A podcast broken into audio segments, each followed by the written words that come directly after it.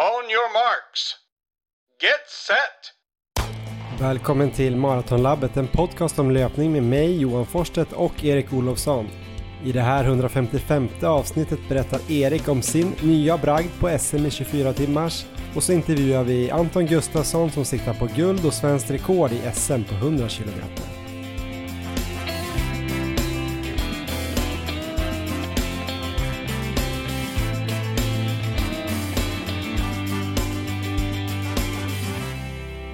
Ja, då ska ni alltså vara varmt välkomna till avsnitt 155 av podden Maratonlabbet. Idag blir det ett eh, intressant avsnitt här tycker jag.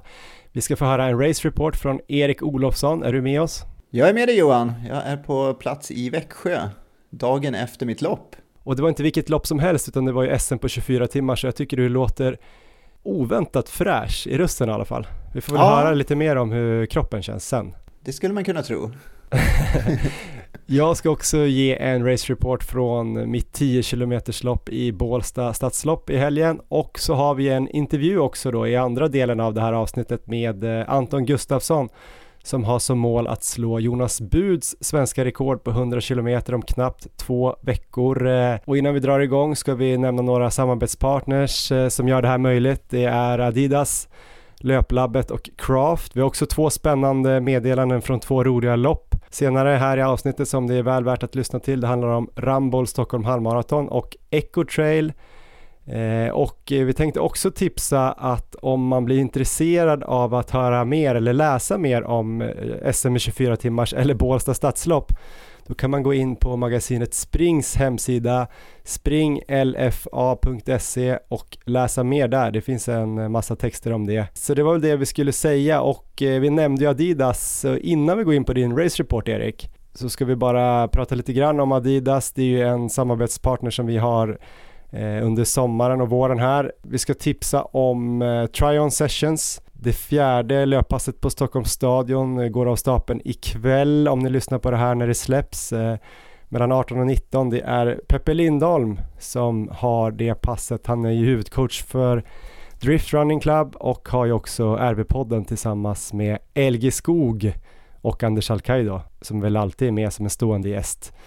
Om ni kommer på det passet så kan man ju förutom att få bra träning av Peppe också testa en massa skor Kanske, jag vet inte exakt vilka de har på plats i, ikväll då, men eh, när vi var där och körde så hade de ju Adidas Adios Pro 3, deras eh, snabbaste tävlingssko får man väl säga för väglopp i alla fall.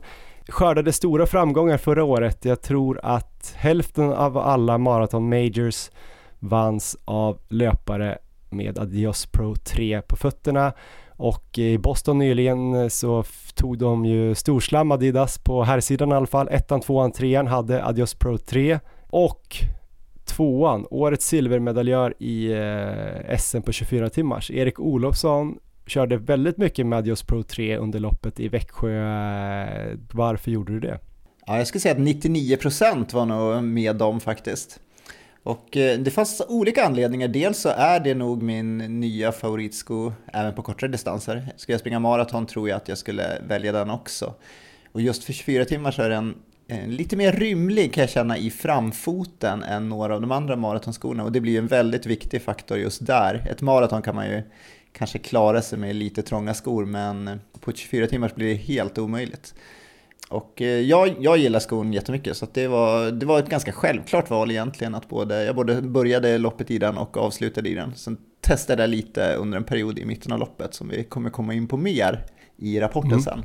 Ja, men det är en skön sko. Den väger 229 gram, 5-6 mm dropp. Eh, jag tycker också att den är lite kanske fastare i materialet, i alla fall i början, än eh, några av de här andra lite mjukare och studsigare skorna.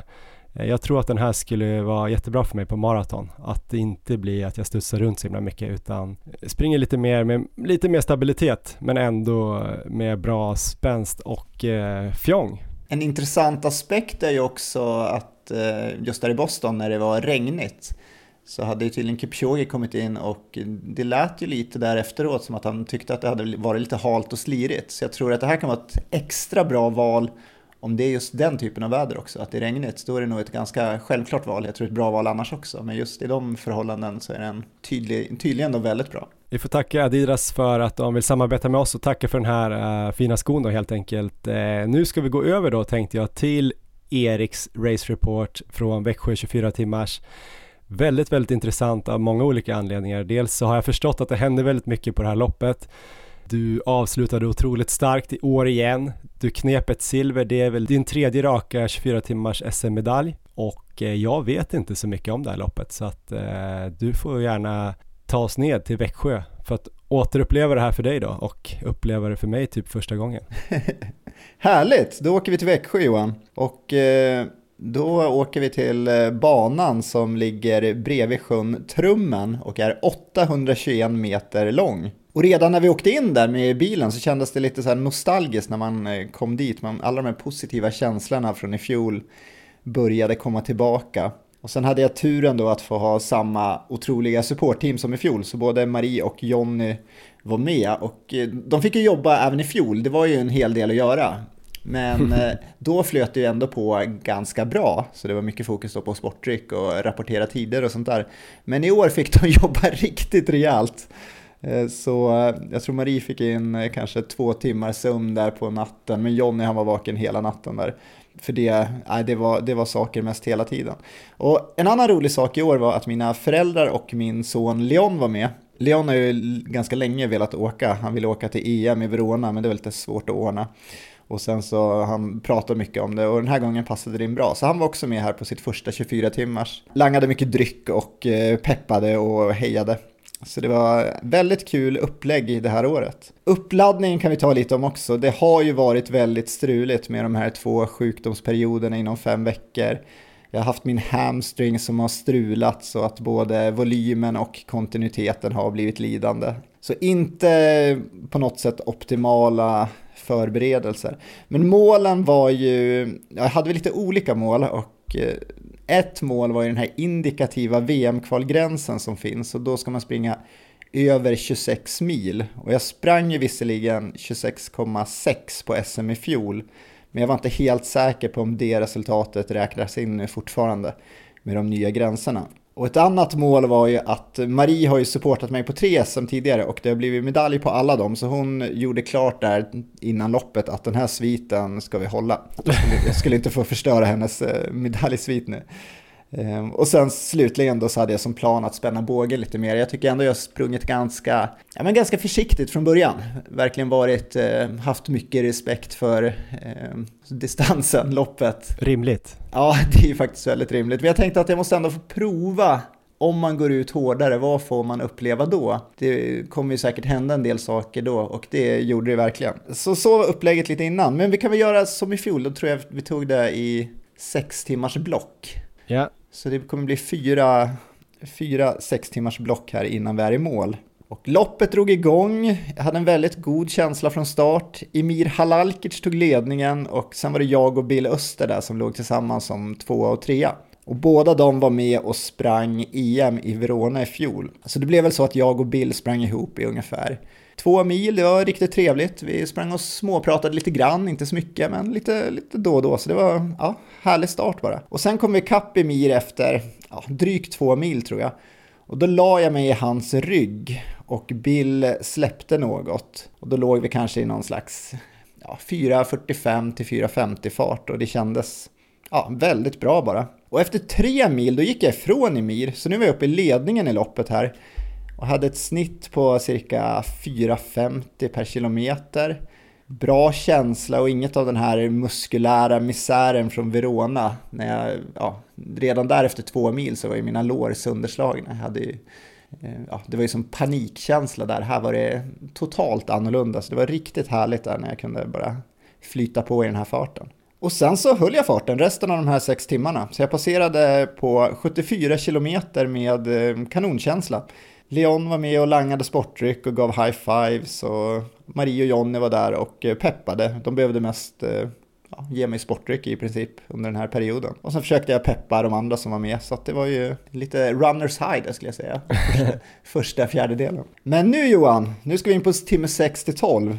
Ja, men det ska bli intressant för jag tror att jag, när jag kollade sist, nu fick jag faktiskt inte upp eh, alla resultaten, jag hade de här innan, men de har gjort om eh, resultatsidan här under natten, men eh, jag tror det var någonstans vid 6,5 timme så kändes det som att du hade något problem.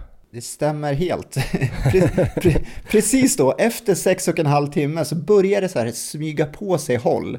Jag känner att jag börjar krampa lite i magen. Tror jag sänk, försökte sänka farten lite och balansera det, men efter att ha sprungit några varv så har jag rejält håll på båda sidor.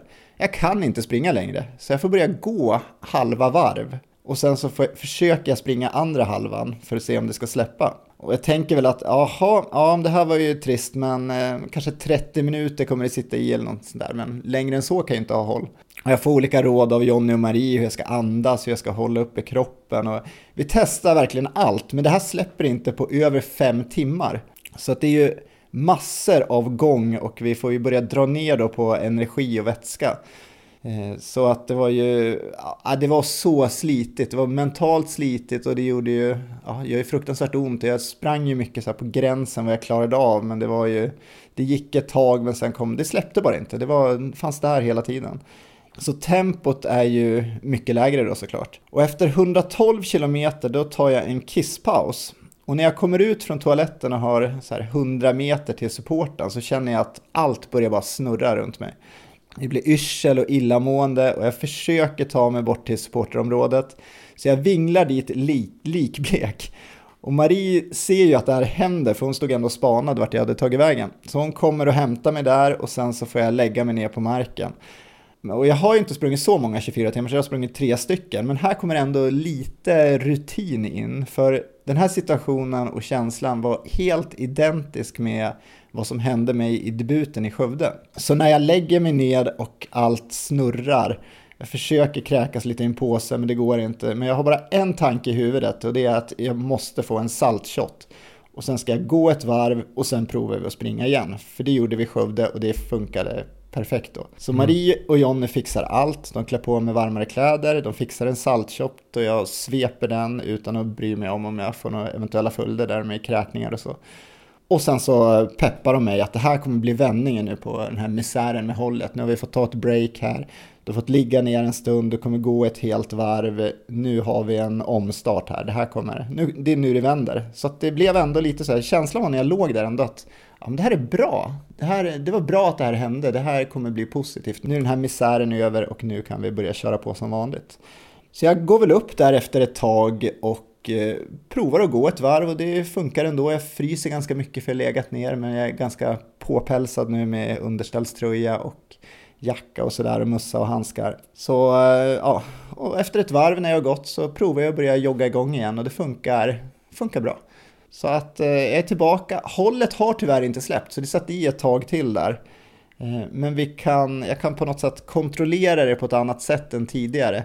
Och vi kan också börja återgå till normal energiplan så jag kan få i mig min sportdryck och eh, allt annat som jag ska få i mig där. För det, det här är ju ett resultat av att vi har fått dra ner energin så mycket eftersom jag har sprungit med håll. Eh, och det är ju därför den här kollapsen då kom. Men hur lite fick du i dig jämfört med vad du hade tänkt då? Under hållperioden där innan? Ja, vi har, jag, har, jag har allt uppskrivet. Vi har ju en energiplan här och har, de har antecknat allting så jag ska kolla ja. över det där sen. Men jag har inte hunnit riktigt göra det ännu. Eh, men det var ju ja, väldigt mycket mindre fick jag, framförallt mycket mindre vätska. Ja, drog ner rejält. Normalt så tar jag ju 150 milliliter eh, väldigt koncentrerad sportdryck var 25 minut och nu var det väl ja, kanske en gång i timmen jag fick någonting och jag vet inte riktigt vad, vad det var då. Jag antar att du kanske kommer till det i och för sig, men eh, varför tror du att hållet kom? Eh, alltså det är så svårt att veta med håll. Det finns ju liksom inget riktigt svar. En anledning kan vara att jag sprang lite snabbare kanske i början. Att det, mm. hade jag sprungit lite lugnare kanske inte hållet hade kommit. Eh, men det är svårt, svårt att veta. Jag tyckte jag låg ganska bra i vätska och energi. Men det, det, jag tror det var vid ett stopp som jag fick. Eh, för då hade vi lagt in någon eh, elektrolytblandning jag skulle dricka också. Så då kanske jag fick under två varvningar vätska för tätt inpå. Jag har inte tänkt den tanken innan. Men det skulle kunna vara något sånt som, hade, eh, som kan spela in. Vad tänkte du när hållet kom förresten? Är du så rutinerad nu så att du bara tänker så här det här är en sak vi ska lösa, en utmaning, eller får du liksom panik att så här, fan jag går ju mot typ 28 mil, nej, Alltså, förstår du? Det gick ju så bra den första delen. Det är väl lite både och, men eh, framförallt så är det ju, man får vara så lösningsorienterad i de här loppen. Så att det är framförallt fokus på vad kan jag göra just nu i den här stunden och, eh, för att lösa det. Och sen så, det är ju så skönt att ha supportteamet då med Jonny och Marie där, för då kan jag bara rapportera in det och sen så är de liksom rakt på problemet och eh, försöker hitta lösningar. Så att jag kan egentligen bara fokusera på att rulla på efter bästa förmåga på banan. Men det är klart, det, är ju inte, det var inte det jag hade hoppats på. Det där vart ju eh, som starten på bara en ond spiral under hela loppet egentligen. Så det var, det var en väldigt, väldigt viktig faktor i slutändan att det kom. Men eh, jag passerade då 12 timmar på cirka 133 mil, vilket faktiskt var samma passering som i fjol på SM, trots de här problemen. Men eh, om vi då tar ja, de andra sex timmarna, då kanske jag springer 59 kilometer där ungefär. Så det är en rejäl sänkning mot uh, första sex. Just det. Och hur låg det till i tävlingen då? Då var det väl, Bill Luster hade ju gått väldigt, väldigt bra. Han tog väl över ledningen när du tappade den. Precis. Om jag inte kommer ihåg eh, fel. Och sen var väl han Tobbe Gyllenbring med också, ganska högt upp. Ja, jo det var ju de två som eh, var i en ganska klar ledning nu. Jag vet inte riktigt exakt vid 12 timmar, men då var de nog kanske en åtta kilometer före mig eller någonting. Och de gick ju fantastiskt bra där, så de svepte ju förbi mig med jämna mellanrum och såg oerhört starka ut. Sen där bakom så hade ju eh, Emir, en av de andra favoriterna, han hade ju fått problem så att jag var ju hyfsat klar trea ändå i loppet, tror ja. jag. Så då, då går vi in på natten då, timme, Aha, timme 12 till 18. Och då har hållet äntligen släppt och jag kan återgå helt till löpning. Men jag tappar mycket fart, så jag ligger runt 5.30 till 5.40 och känslan är att jag är väldigt stel. Jag försöker flera gånger öka farten till utgångsfart men stelheten gör det svårt och Jonny försöker peppa och han hjälper mig på olika sätt. Ehm, men det är bara, ah, det är bara svårt och slitigt och under den här perioden börjar jag få känning i min hamstring också. Så så fort jag försöker öka farten så kommer det små krampkänningar och eh, hugg i vänster hamstring. Så det är hela tiden den här balansgången för att springa så fort som möjligt men att kroppen ska hålla. Är det samma känning som du har haft i uppladdningen? Under våren? Här. Ja, jo men det är precis eh, samma. Det är den här vänstra hamstringen. Och på träning så har jag ju alltid brutit när det här har kommit. Då har jag inte kört på. Så nu vart det som en annan sak när jag ska då mm. spr springa på och balansera den här känningen. Så det var ju osäkerhetskänsla. Jag visste inte hur, hur, hur det skulle funka, om det ens skulle vara möjligt att springa klart loppet eller så. Så att jag försökte bara göra det bästa i situationen nu och eh, balansera det på rätt sida där. Hur var vädret på natten? För det var ju ganska perfekt eh, temperaturmässigt måste det ha varit på dagarna i alla fall. Lite blåsigt såg det ut som på prognosen. Jag vet inte hur det kändes där nere men natten skulle väl vara ändå hyfsat sval, alltså 2, 3, 4 grader va? Ja, men det kom ju, det kom ju en del vad ska man säga, vindbyar ibland, men det var väl det enda som störde. Annars skulle jag säga att vädret var ju perfekt för att springa. Ja. Det var 13-14 grader på dagen, så var det kanske ändå nere på, ja, det kanske var som, så kallt som 3-4 plusgrader stundtals, men man fick ju bara klä på sig och eh, inget problem, utan det, det var bra. Det var ju valborgsfirande också där i Växjö, så det var ju ett eh, ganska stort eh, studentområde alldeles i närheten, så det var ju väldigt många berusade studenter som var där och eh, eh, ja, sa diverse saker. så det, var, det hände ju grejer under natten i alla fall. Och som sagt, i ledningen så springer då Bill och Tobbe otroligt bra. Så under en period där så sveper de förbi med jämna mellanrum. Och jag sliter på som trea i loppet men tappar hela tiden på dem och är kanske en 10 km efter här ungefär. Och den här stelheten och krampkänningarna gör det svårt men jag ställer ändå in mig på att med 6 timmar kvar så ska jag göra en sista attack på vinsten.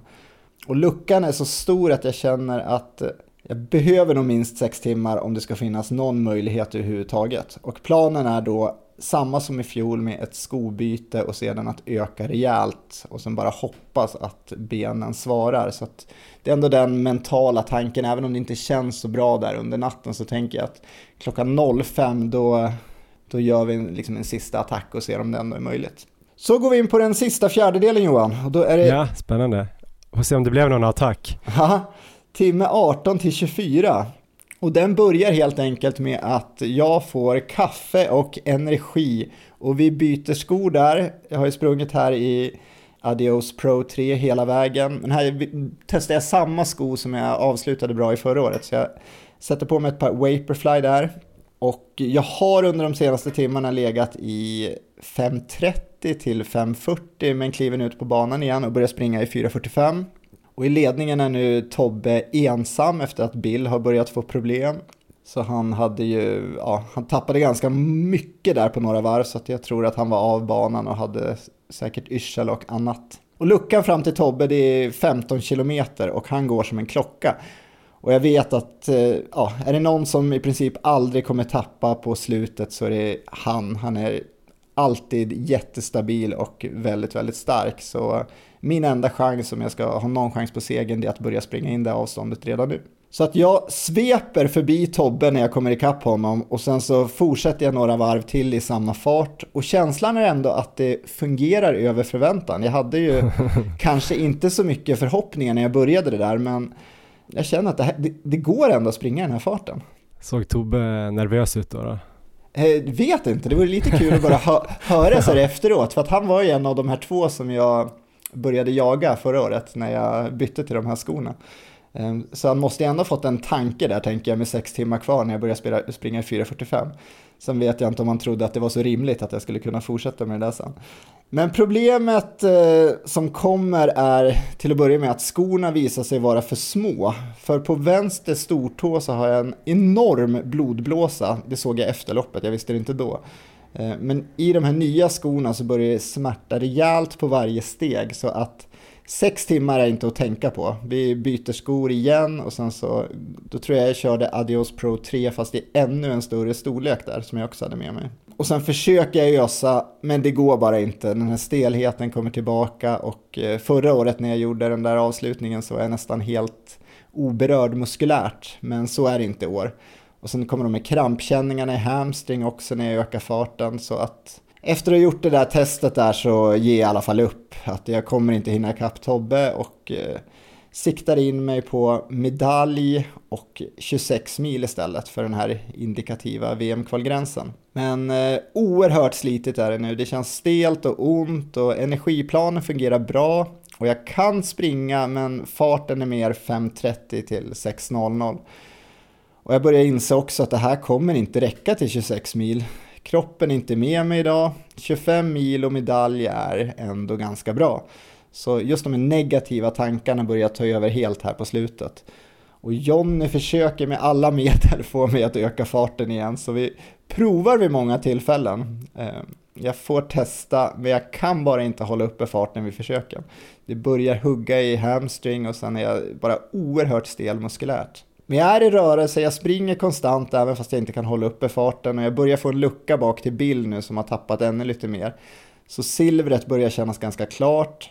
Och Jonny där fortsätter att presentera olika scenarion för vad som ändå kommer krävas för 26 mil. Men jag svarar bara att äh, det går inte, kroppen är inte med mig, eh, jag får alldeles för mycket problem när jag ökar farten. Så att jag, jag får tugga på i min fart där som nu är cirka 5.45 och det fungerar ändå hyfsat trots alla de här problemen. Men med en timme och 30 minuter kvar så försöker John igen. Det var, det var ganska kul för han, han gav sig ändå inte. Det var inte så att han eh, sa till mig vad jag skulle göra, men det var mer att han presenterade, ja men nu är vi i den här situationen, skulle du hålla den här farten nu så skulle det vara möjligt. Så då får jag höra att eh, kan jag göra sista en och en halv timmen i 5.00 fart så kan jag ändå ta mig över 26 mil. Och då hör jag mig själv säga, okej okay då, vi provar. så att jag, jag ökar farten där och det är bara stelt och det gör ont, men nu är det en och en halv timme kvar och det är ändå i sammanhanget väldigt lite och 5.00 fart i en och en halv timme eh, ska väl ändå inte vara omöjligt tänker jag. Och ibland hugger det till i hamstringen, jag får sänka, men jag försöker hela tiden jobba tillbaka mot 5.00 där. Och med en timme kvar så börjar andra problem också komma, för då har jag både ont under foten och på vristen. Så där vill jag bara ge upp, jag tycker inte det är värt det längre, det är liksom inte min dag och det känns som jag kommer springa sönder mig helt om jag fortsätter. Och nu behöver jag dessutom öka mot 4.45. Men jag fortsätter i alla fall, så till slut är det cirka 30 minuter kvar och då är det ett parti när jag får så här rejäla krampkänningar i hamstring. Så under 200 meter så kommer det vid 6-7 tillfällen. Eh, så starkt att jag måste så här vråla högt så att jag skriker till vid flera tillfällen, så alla som sprang med just på det partiet, alla vände sig om och kollade vad som hände. Ehm, så där känner jag bara att ja, men nu är det helt kört. Så att, ja, då provar jag bara att sänka farten och fortsätta och sen säger jag till Jonny när jag passerar att det här, är, det här går inte. Det är helt omöjligt och krampen kommer så fort jag ökar. Och då berättar han att jag snart kommer komma ikapp Tobbe som snart ska slå svenskt rekord. Eh, det var med kanske ungefär 30 minuter kvar. Eh, för mm. Tobbe, Tobbe är fortsatt gå som en klocka, han var så sanslöst imponerande att se där. Så Jonny säger till mig att ta hans rygg ett varv och går det bra så kan vi testa igen sen och se vart vi ligger. Så jag kommer ikapp Tobbe och jag gratulerar igen till ett fantastiskt lopp och sedan springer jag bakom honom och får tillsammans med publiken där när vi kommer in i supportområdet hylla honom där, alla applåderar, jag springer bakom och applåderar. Och det gav som väldigt mycket positiv energi. Så att jag testar igen där i alla fall efter att ha passerat supportområdet och ökar farten mot 4.30 och känner att det här fungerar utan kramp. Och jag får snabbt rapporter om att jag måste öka ännu mer. Och jag, och jag gör det så att med 10-15 minuter kvar så tror jag att jag ska springa, springa i 4.15 fart.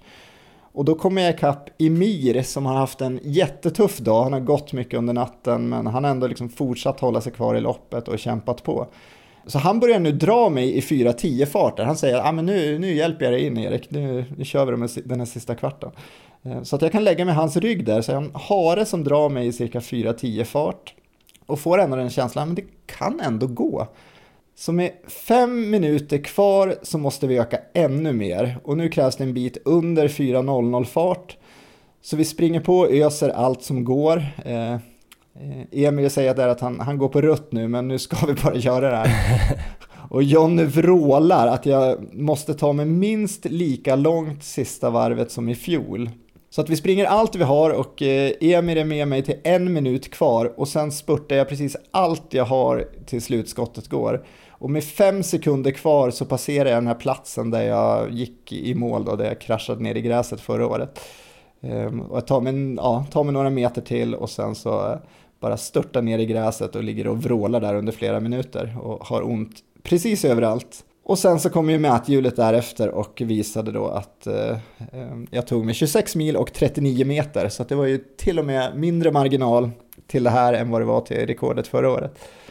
Eh, så ja, det var en, en minnesvärd avslutning måste jag säga igen. Det här var alltså inte då något som jag hade klippt in här från förra årets Race Report vill jag bara säga till lyssnarna utan det här är alltså Eriks grej att eh, spurta på 24 timmars, ligga i fyra fart och eh, få lägga sig ner och vråla. Du kommer ju aldrig kunna släppa det här nu. Det kommer ju bli så att eh, folk kommer vallfärda nu till, om det nu fortsätter vara Växjö, och så kommer de kanske kolla lite i början, sen dra iväg och göra något i stan och gå ut och käka och sådär och sen kommer man kanske kolla lite på natten, gå och lägga sig. Sen kommer man då vara där två timmar innan och se vart du ligger till, för du kommer ju alltid ha någonting att spurta för känns det som. Ja, men det krä någonstans krävs det ju någonting och nu hittade vi ändå någonting här som, eh, som ändå gick att jaga. Men, jag fick ju ett mess av eh, Marie, eller jag messade henne på kvällen och sen på morgonen då, det första jag gjorde. Och då sa hon ju att eh, det hade varit ganska tung natt men eh, nu har vi släppt 26 eh, mil. Så nu går ja. det lite bättre igen. Ja. Så det kanske var det som krävdes då. Att släppa ja. det och sen komma tillbaks på något sätt. Och, och, det roliga någonstans när jag pratat med alla här efteråt, att det var ju ingen som trodde på det här. Jag trodde inte på det, Jonny trodde inte på det heller och Marie trodde inte på det. Den enda som trodde på det var min pappa. Han sa att men han trodde ändå jag skulle fixa det, men ingen annan gjorde det. Men, eh, de, jag hade gett upp, så det var ju väldigt mycket tack vare supportteamet här som ändå presenterade scenarion som ändå var möjliga, och som ändå gjorde att eh, jag någonstans testade på slutet. Men om vi tar då täten där, så Tobbe slog ju ett nytt svenskt rekord med 272 kilometer och det var ju otroligt stabilt och jämnt lopp och en oerhört välförtjänt och mycket värdig ny rekordhållare. Så det var jätte, jätteroligt att eh, följa det. Och jag kom tvåa på 260 km och Bill kom trea på, jag tror det var 244. Eh, så det var inte lika jämnt som förra året, men det var ju mycket dramatik på slutet ändå. Folk satsade väl ändå lite hårdare i år också då, för att man visste att det kanske krävdes mer, eller trodde att det skulle krävas mycket mer, eller? Ja, jo, men så var det. Som sprack. Så att det var nog precis så. Det var många som fick problem längs vägen. Eh, även jag då åkte ju på problem. Så det var ju, ska jag försöka utvärdera det nu i mitt huvud så är det ju, det blir som en ond spiral med, med när hållet kommer, vi får dra ner på energin och också de här gåpauserna. Jag, jag vill ju undvika att gå på de här loppen för jag tycker jag stelnar till så mycket när jag gör det.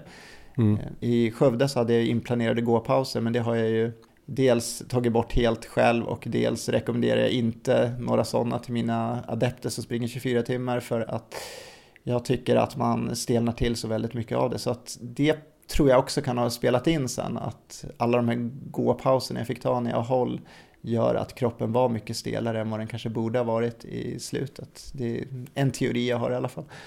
Och sen energiintaget då som gör att jag får ta den här pausen när jag nästan svimmar. Någonting annat som du tänker på så här nära inpå? Är du liksom bara nöjd nu eller vad tänker du kring hela våren och vad det slutar upp med till slut? Ja, men det är blandade känslor på ett sätt, men jag är fantastiskt nöjd med eh, resultatet ändå med tanke på alla problem som var. Att, att jag tog mig över 26 mil eh, efter den där resan och med allt som hände i loppet, eh, det måste jag ändå vara väldigt nöjd med.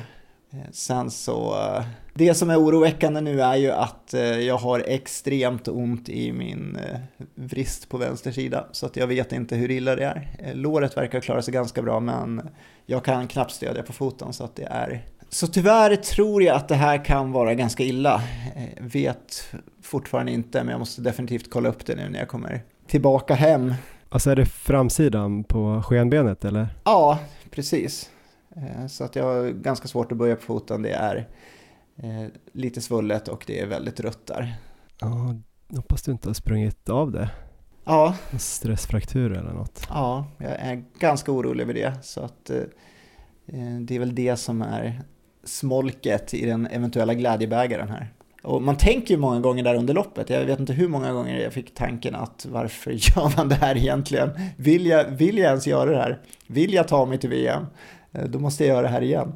När det var som värst, men eh, ja, någonstans så blir man ju ändå lite sugen. Och VM är ju i december, så det är ju ändå fortfarande gott om tid att återhämta sig till det och kanske få in en bättre träningsperiod den här gången för att det är väl det som jag saknade känner jag nu. Jag hade inte tränat egentligen specifikt mot 24 timmars på det sättet som jag borde för att det skulle vara möjligt att kanske nå de distanserna jag hade drömt om. Men eh, vi får se om det blir en VM-plats nu och i så fall om uppladdningen kan bli lite bättre.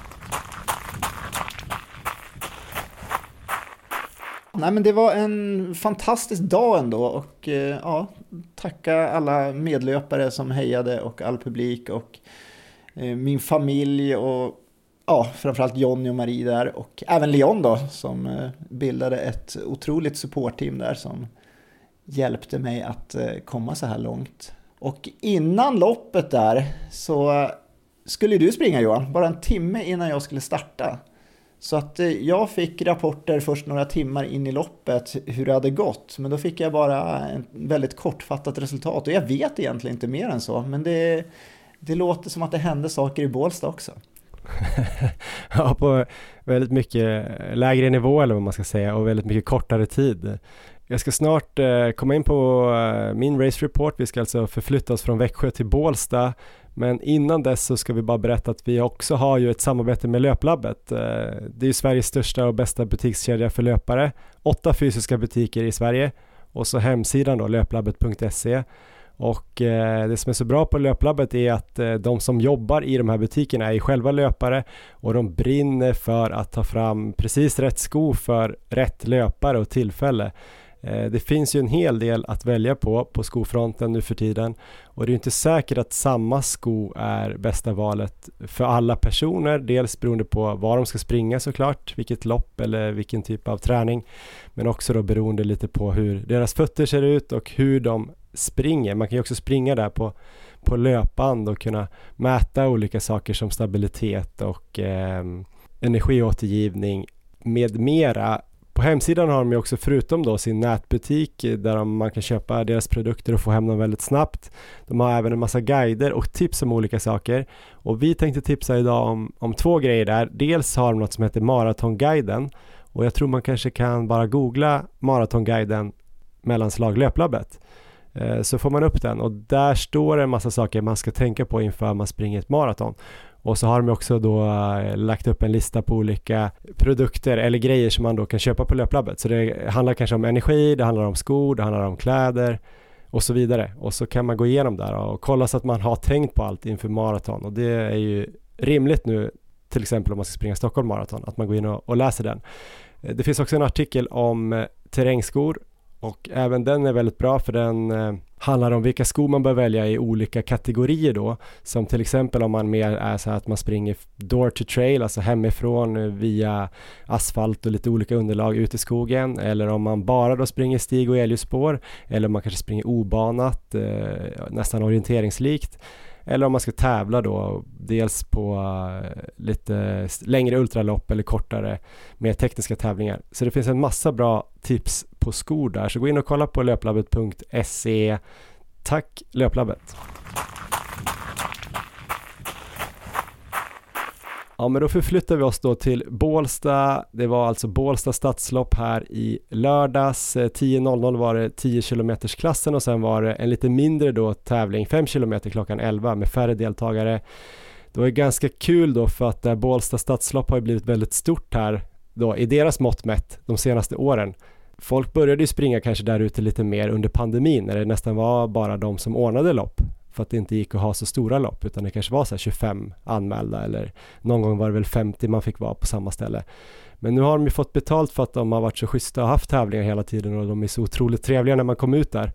I år kom det alltså 200 löpare då och sprang 10 kilometer och eh, det var ju då eh, maxantalet de hade satt upp så de fyllde det där loppet i år. Riktigt, riktigt kul och det var otroligt eh, profilstarkt eh, startfält och väldigt, väldigt bra startfält. Jag tror att eh, jag hade en adept där som sprang på 39,5 och jag tror han kom alltså 117 eller något där, av 200. Ja. Och jag tyckte någon sa att eh, de hade sprungit på typ strax över 35 och kommit eh, typ på 50 plats eller någonting. Så att det var ju väldigt bra snitt på tiderna på de som sprang. Men det var liksom, ja men många som man känner igen och som vi har pratat med under åren. Kristoffer Lås och Archie kämpade om segern där, Archie vann. Viktor Smångs var ju där och harade en 40-grupp. Eh, Hannes Bjärnhagen och eh, Kim Andersson springer likadant, nästan lika snabbt. Ja men det var mycket profiler, jag kan ju inte sitta här och, och räkna upp. Micke Tisjö då som var med och ordnade sprang.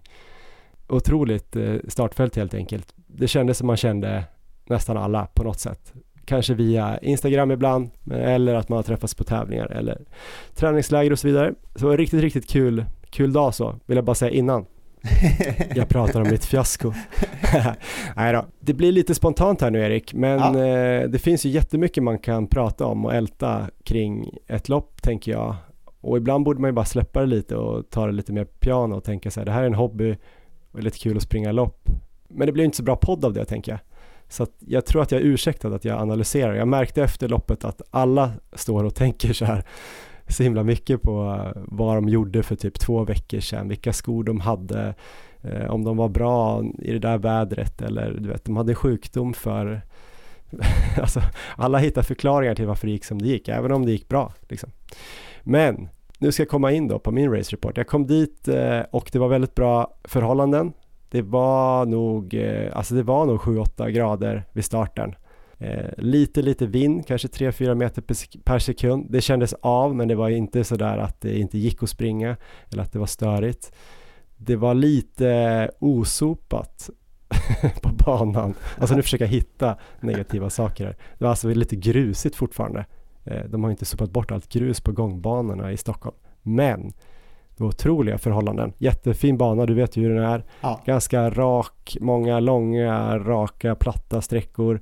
Några tvära svängar, men det är ju så pass lite så att det är en riktigt fin bana. Någon viadukt som är typ under en bilväg som man ska upp genom typ fyra gånger. Det är typ nästan enda lite brantare backarna men det är så himla kort och sen är det en liten sån här slakmota på ett ställe. Men den eh, kommer ju efter en, en utförslöpning så att eh, väldigt snabb bana och det var jättemånga som sprang otroligt bra och persade. Det kändes som nästan alla persade. Men det fanns ju de som inte gjorde det och det var ju jag då bland annat. Min taktik inför det här loppet eh, var ju då efter då någon typ av konsultation med dig. Ja, jag sa ju att jag skulle hålla ett brandtal där veckan innan. Så jag ringde upp dig på onsdagen och så hade vi en liten, ja, en liten diskussion. Ja, men det var ett bra brandtal eh, och eh, det var också lite snack då om eh, själva taktiken och taktiken blev då att jag skulle hålla då 3.24 fart egentligen från start och hålla det så jämnt som möjligt så länge som möjligt tills jag stupade. Och sen skulle vi hoppas att jag stupade efter mållinjen och inte innan mållinjen. Det var typ hela taktiken och eh, lite efter där, några timmar efter det här brandtalet och vi kom fram till det här att det var så jag skulle göra så fick jag också reda på att Micke Tisjö då från Bålsta-klubben där hade fått fram då en klubbkompis som kunde hara också för sub 34. Han hette Mattias Jonsson och var väl god för ungefär en 10 på halvmaraton men inte kanske i toppform just nu. Men eh, otroligt schysst att han ville ställa upp. Och jag visste att det var ganska många andra som också siktade på det här så det kändes ju rimligt att, att han skulle få då mig bakom sig och sen en klunga till då som hade hört av sig. Så det kändes ju som att det förstärkte ju det här, tanken på den här taktiken. Och eh, jag hade ju förberett mig ganska bra hela våren, va? eller hur Erik? Jag typ inte var Verkligen. sjuk. Jag har tränat nästan exakt som jag har tänkt. Det är typ en vecka, jag kanske tränade lite mindre. Då var jag uppe i, i Jämtland på lite semester där. Så jag har liksom gjort allt jag har tänkt att jag ska göra. Och jag tänkte på det inför loppet för att när man kommer ut på lopp sådär så har alla något typ av problem de vill berätta om innan. Aha. Jag säger inte att de försöker sänka förväntningarna på sig själva eller för sig själva eller från andra så men, men många har ju haft en liten skada eller en liten sjukdom för nära inpå eller haft en tung vecka på jobbet eller vad det nu kan vara. Men jag kände där att min enda dåliga grej var att jag inte hade några dåliga grejer att berätta om. Förstår du vad jag menar? Ja. Det kändes som att, åh nej, det är lite för bra det här. Var inte det en härlig känsla att gå in med då? Jo, det var en härlig känsla och ja. jag var ganska lugn i den. Jag var lite nervös på morgonen, det måste jag erkänna. För att det blir en stor grej när man tänker så här, det här loppet ska jag springa så här snabbt på. Och det är typ, man tänkte lite nu eller aldrig, fast det är dumt på 10 km för man kan ju springa igen. Men jag kände ändå att jag behövde tänka så för att jag skulle orka eh, hålla i när det skulle bli jobbigt. Så att det gjorde mig ändå lite nervös. Eh, så, men det släppte ganska mycket när man kom dit och såg alla för att då tänkte man bara det här är ju en rolig hobby ändå. Vi får se hur det går. Man ser ju att alla är lite småstirriga och smånervösa ändå. Det ska väl vara så antar jag med löpning. Det är kanske det som är tjusningen ändå. Att det är härligt att ha en hobby som sätter lite press på en på Verkligen. ett konstigt sätt. Och för en gång skulle så satte jag typ alla tider inför. Alltså, du menar, alltså jag menar med, jag hann prata med folk men jag hann också värma upp som jag hade tänkt det är inte alltid det händer för mig utan jag råkar liksom komma stå och prata med någon och missa typ uppvärmningen eller ska gå på toa och så oj då det är ju typ 10 meters kö här. Men allt bara flöt på innan också så att när jag liksom hittade haren där inför loppet kanske två minuter innan då kände jag ändå så här det här kommer gå bra. Dessutom kom ju Emma, Alve och Elmer till Bålsta strax innan loppet kom fram och kramade och pussade mig så det kändes så här väldigt harmoniskt också. Och jag kommer ihåg att jag stod där på en väldigt eh, laddad startlinje, att det var mycket testosteronstinna män då som skulle persa och en del kvinnor som också hade den inställningen och det kändes lite så här spänd förväntan så kommer jag ändå ihåg att jag skrek till alla typ så här Kom ihåg att ha kul nu! Sådana lite litet halvskämt men, men det lättade upp stämningen lite grann och sen gick ju starten och det fina med min hare det var ju att han var så pass smart att han rusade inte. Det var ja. eh, ordentlig rusning. Det var ju ändå då Archie och Kristoffer Lås som, som senare vann. Jag tror Archie hade 30.03 eller 04 en sekund typ före Kristoffer så de gick ju ändå ut antagligen i, i 3.00 eller 2.55 och sen alla de här andra som sprang då typ och, eh, strax under 31 eller strax under 32 och 33 de bara rusade ju också i, i den farten typ men det var ju folk som sprang in på så här 37,5 som låg i 3.15, 3.10 Ja, fart just i början. En sån här klassiker som man bara liksom inte riktigt förstår. Det här är ganska rutinerade löpare som har kommit ner på de här nivåerna ändå. Så det är alltid lika intressant. Min hare i alla fall, han bara la sig i 3.25 och det kändes otroligt långsamt när alla Ja. bara, bara liksom spurtade förbi oss liksom, i början där, första kilometern. Första kilometern är ju häftig, för det är ju ofta man har den känslan tycker jag. Att det går så Ja. långsamt. Men eh, kan man hitta det så är det ju ja, optimalt. Bra start! Ja men det var jättebra start och där var det lite motvind så det var ju ändå skönt för då var det rätt mycket folk som ändå låg före oss. Så jag tror första kilometern så sa han att vi hade 3.26 och jag tycker att det var ganska jämnt så det Ja. var ju nästan helt perfekt vad jag ville ha. Eh, under andra kilometern så känns det fortfarande lika bra som att jag typ är ute och joggar lite grann. Eh, då börjar vi ändå behöva springa om folk som har startat för hårt. Så där är vi lite ute eh, på, på sidorna av gångbanan då. Det är lite smalt på några ställen men det var inga problem att komma om eller så. Det är inte så mycket folk. Eh, så två kilometer exakt som man vill ha det. Det känns lätt. Bara lätt egentligen. Och det kändes ganska kul och inspirerande. Eh, jag kanske kan dela upp det här också i fyra delar fast det är mycket kortare delar än för dig. Så första två och en halv var det egentligen inga problem. Där någonstans andra två och en halvan då, kanske efter två och en halv, tre kilometer, det var nog första gången jag hade en så här förnimmelse av att vänta nu, okej, det är ändå lite jobbigt i benen. Det kommer kanske bli jobbigt någonstans om ett tag.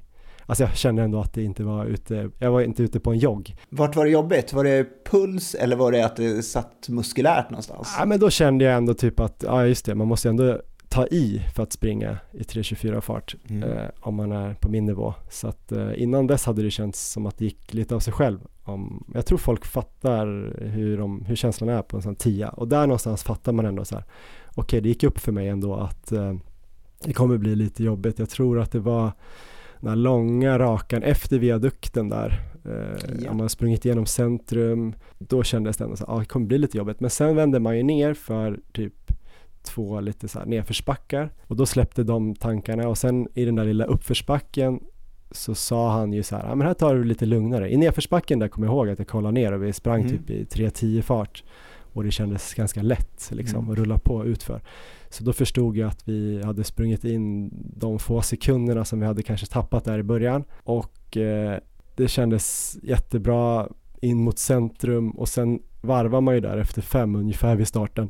Och då hade vi 17.01 och jag kommer ihåg att jag tänkte det här är ju som det här loppet när Jonas Glans slog svenskt rekord eh, helt oväntat där när han sprang i Tyskland med David och, och någon till när han hade trott att han skulle göra 29.30, jag vet inte om du kommer ihåg det? Jag tror han berättade att han i det loppet inte kände sig särskilt trött förutom Ja. på slutet. Alltså att det hade känts bara som ett flyt typ till åtta eller något. Sen var han ju tvungen att gå för svenska rekord när David sa så här, du kommer ångra dig om du inte gör det. Ja.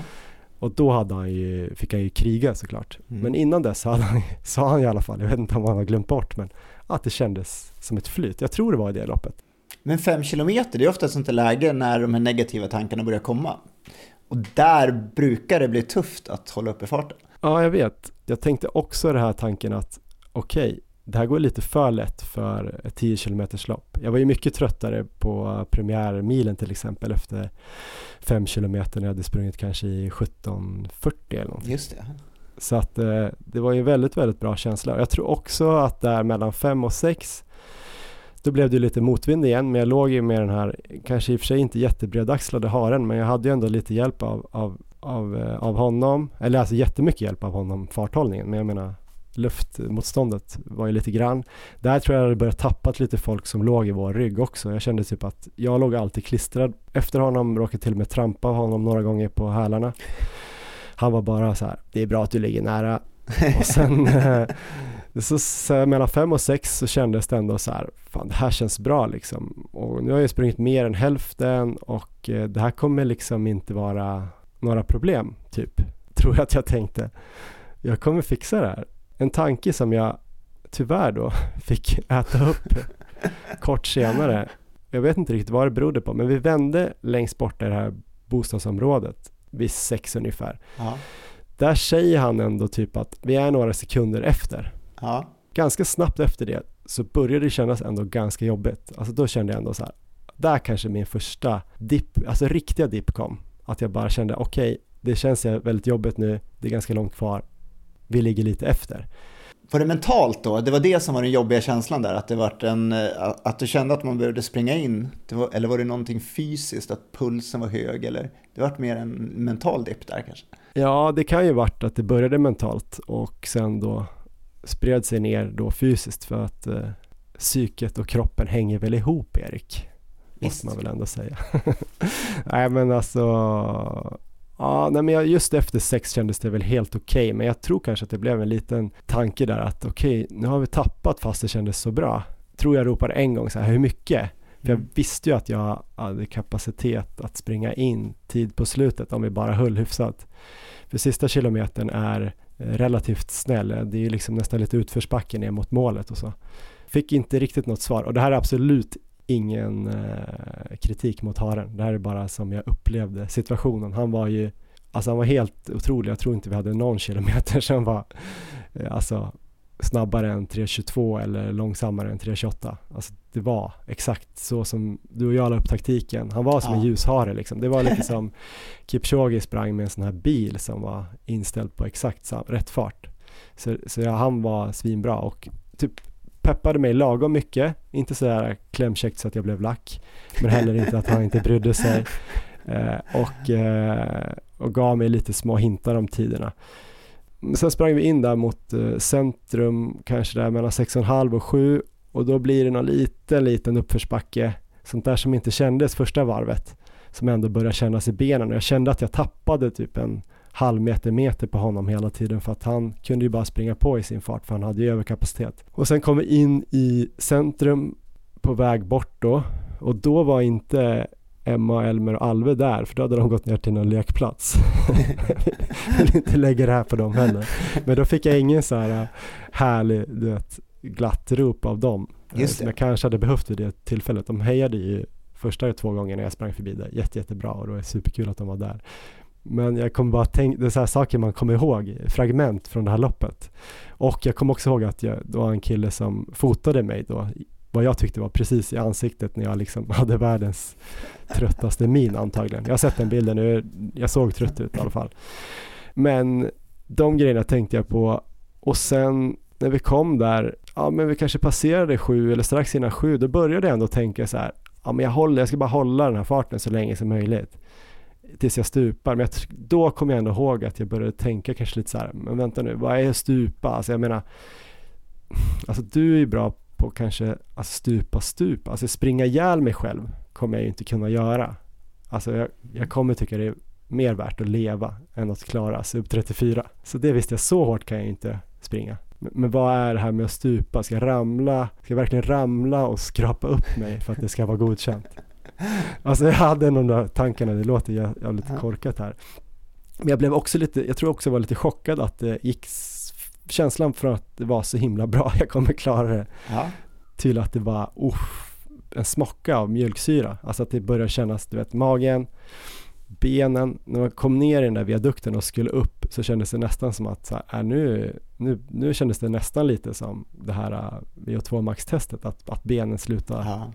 Kunna trycka överhuvudtaget liksom jag vet inte ens om jag skulle kicka, kunna kicka nu. Och sen även i underarmarna, lite så här, jag vet inte om jag spände mig eller att det var som att det mentala liksom spädde på. Det var ju klart att jag var ansträngd fysiskt också för att jag har ju aldrig sprungit 7 km i 3.24 fart tidigare så det var ju det bästa jag gjort. Så att, men så höll jag i ett tag till och sen kände jag bara, äh, det går liksom inte.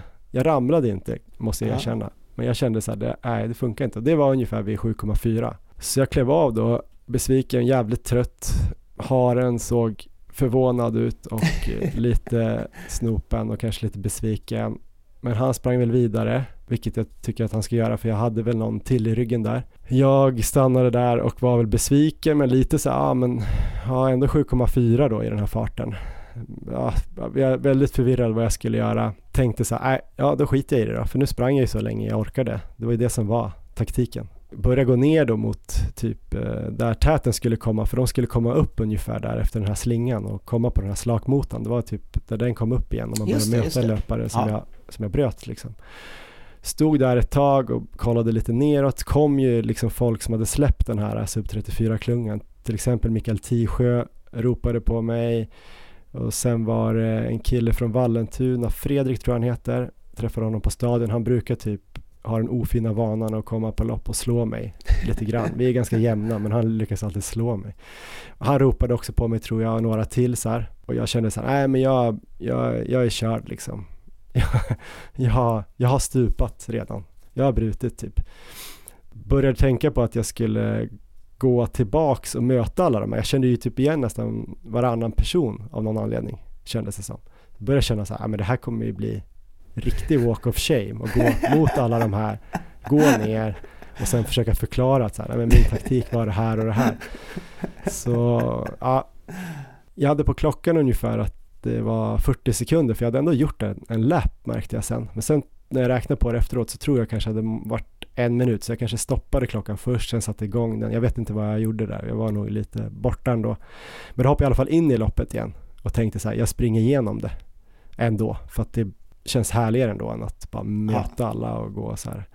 Så jag började väl kuta i någon så här ganska bekväm fart tyckte jag själv. Och sen var jag ju nere någon gång i 3.30 igen och så här. Mm. Sprang jag väl i mål men ganska så här besviken. Trodde typ att det var 36,5, 37 kanske.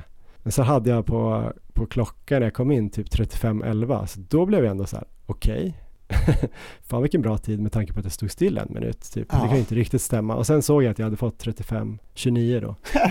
Så någonstans där hade jag väl stoppat klockan i 20 sekunder. Men 35-29 kom jag in på. Jag kom då, mitt resultat blev väl egentligen 7,4 kilometer i 3.25 fart kanske, eller 3.24 fart.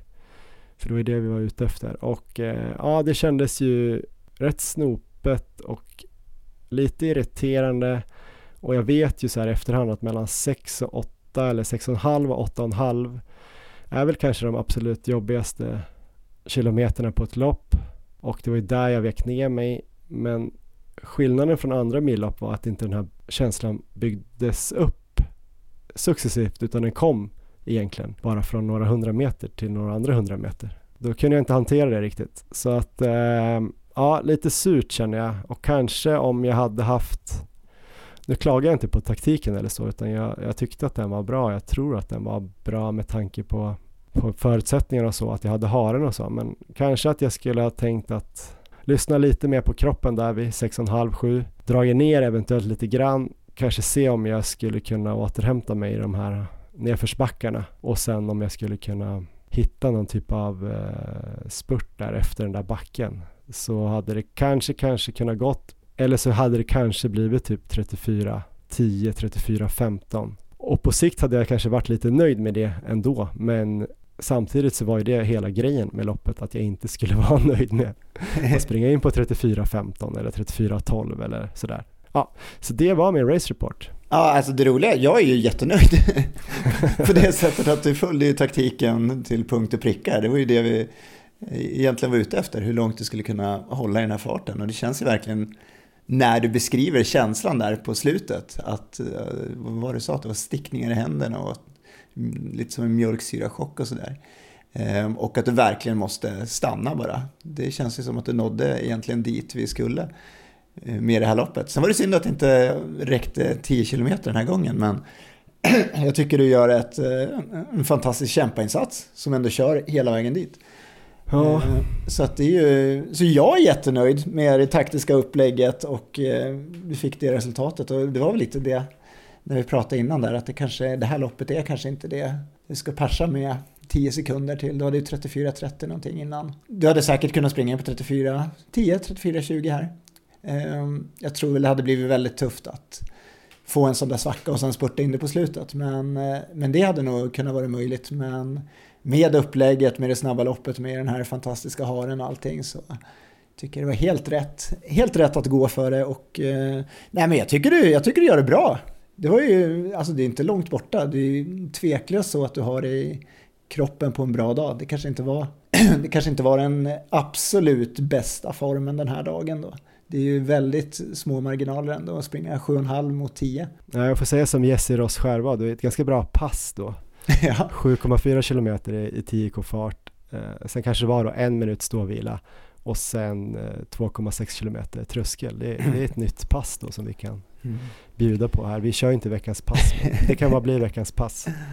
Ja, men det är ju, jag tycker det är ett tydligt bevis på att du har det i kroppen. Så att det är ju, på en bra dag så kommer det ju sitta. Ja men det är härligt att du är så bra på att uh, vara den här positiva personen. Du kanske får sitta på ena axeln och sen, för jag känner ju lite så här, nej jag är nog lite för gammal.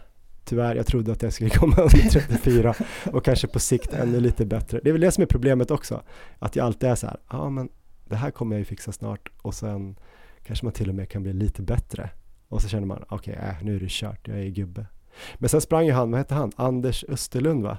Ja. Han sprang ju för fan på typ 32 eller något, inte det? Och han, han är, är, han, han är grym. Ja, jag vet inte hur gammal, men han var med nere på läger, vi var nere på Mallorca med Team Munt samtidigt. Supertrevlig och eh, otroligt duktig. Så att han är ju ett unikum. Ja, han verkar vara grymt bra. Det är inte jag, men jag får väl fortsätta försöka bli, bli bra. Om inte grymt bra så lite bättre i alla fall. Eh, jag får träna vidare, så får vi väl se om det eh, dyker upp några fler 10 km lopp här i vår. Det borde det göra. Jag ska ändå försöka springa under 34 minuter här i vår eller sommar. I värsta fall får det bli till hösten då jag klarar det här, men jag ska testa igen. Det kan jag nästan lova. Eh, ja, så var det. Och det var väl ändå kul så här efterhand. En upplevelse i alla fall. I andra halvan av det här avsnittet som kommer nu blir en del framåtblickande. Snart en kortare framåtblick mot SM på 100 km som avgörs nästa lördag den 13 maj. Vi har alltså intervjuat Anton Gustafsson som är en av favoriterna till guldet men han går också för att slå svenskt rekord. Men först Erik ska vi blicka ännu lite längre fram, nämligen till Ramboll Stockholm halvmaraton den 9 september. Ett lopp som du sprang redan 2004 såg jag när jag kollade lite resultat. Då hette det Sankt Eriksloppet, ett bra namn för dig tycker jag. Ja. Och eh, jag blev riktigt förvånad över tiden. Kommer du ihåg den? Ja, men kan det vara en 24 någonting? Jag kommer inte ihåg. Riktigt bra. 1.23.45, alltså sub 4 fart i din första halvmara när du var ett litet barn höll jag på att säga. 25 ja. år va? Ja, tänk. Du har knappt förbättrats. Nej, jag var väldigt nöjd med den tiden. Jag tror jag hade varit förkyld också och eh, kom ändå till start och eh, sprang ju precis allt jag hade. Jag hade inte löptränat så bra, men jag tror det var precis efter fotbollskarriären, så det var lite på fotbollskondition som jag körde det loppet och så tänkte jag att det där gjorde jag, det där gjorde jag riktigt bra, det där, den tiden kan jag, ja, den är jag nöjd med och nu behöver jag inte springa något mer. Sen dröjde det några år. Ja, Stockholm halvmaraton var ju min första halvmaraton också faktiskt. Eh, jag tror det var 2012. Vet du vad jag sprang på? Samma tid? Nej, mycket sämre. 1.30-50 tror jag. Så att eh, man märker ju vem som har Du har förbättrat dig mer. Ja. Oh, det är det, så är det ju faktiskt. Men eh, Stockholm halvmaraton är i alla fall ett av eh, Stockholms finaste lopp eh, på den kanske allra trevligaste distansen, 21,1 kilometer genom Stockholm city från Gamla stan via Norrmalm, Kungsholmen, Södermalm och så tillbaka till Gamla stan igen där målet ligger.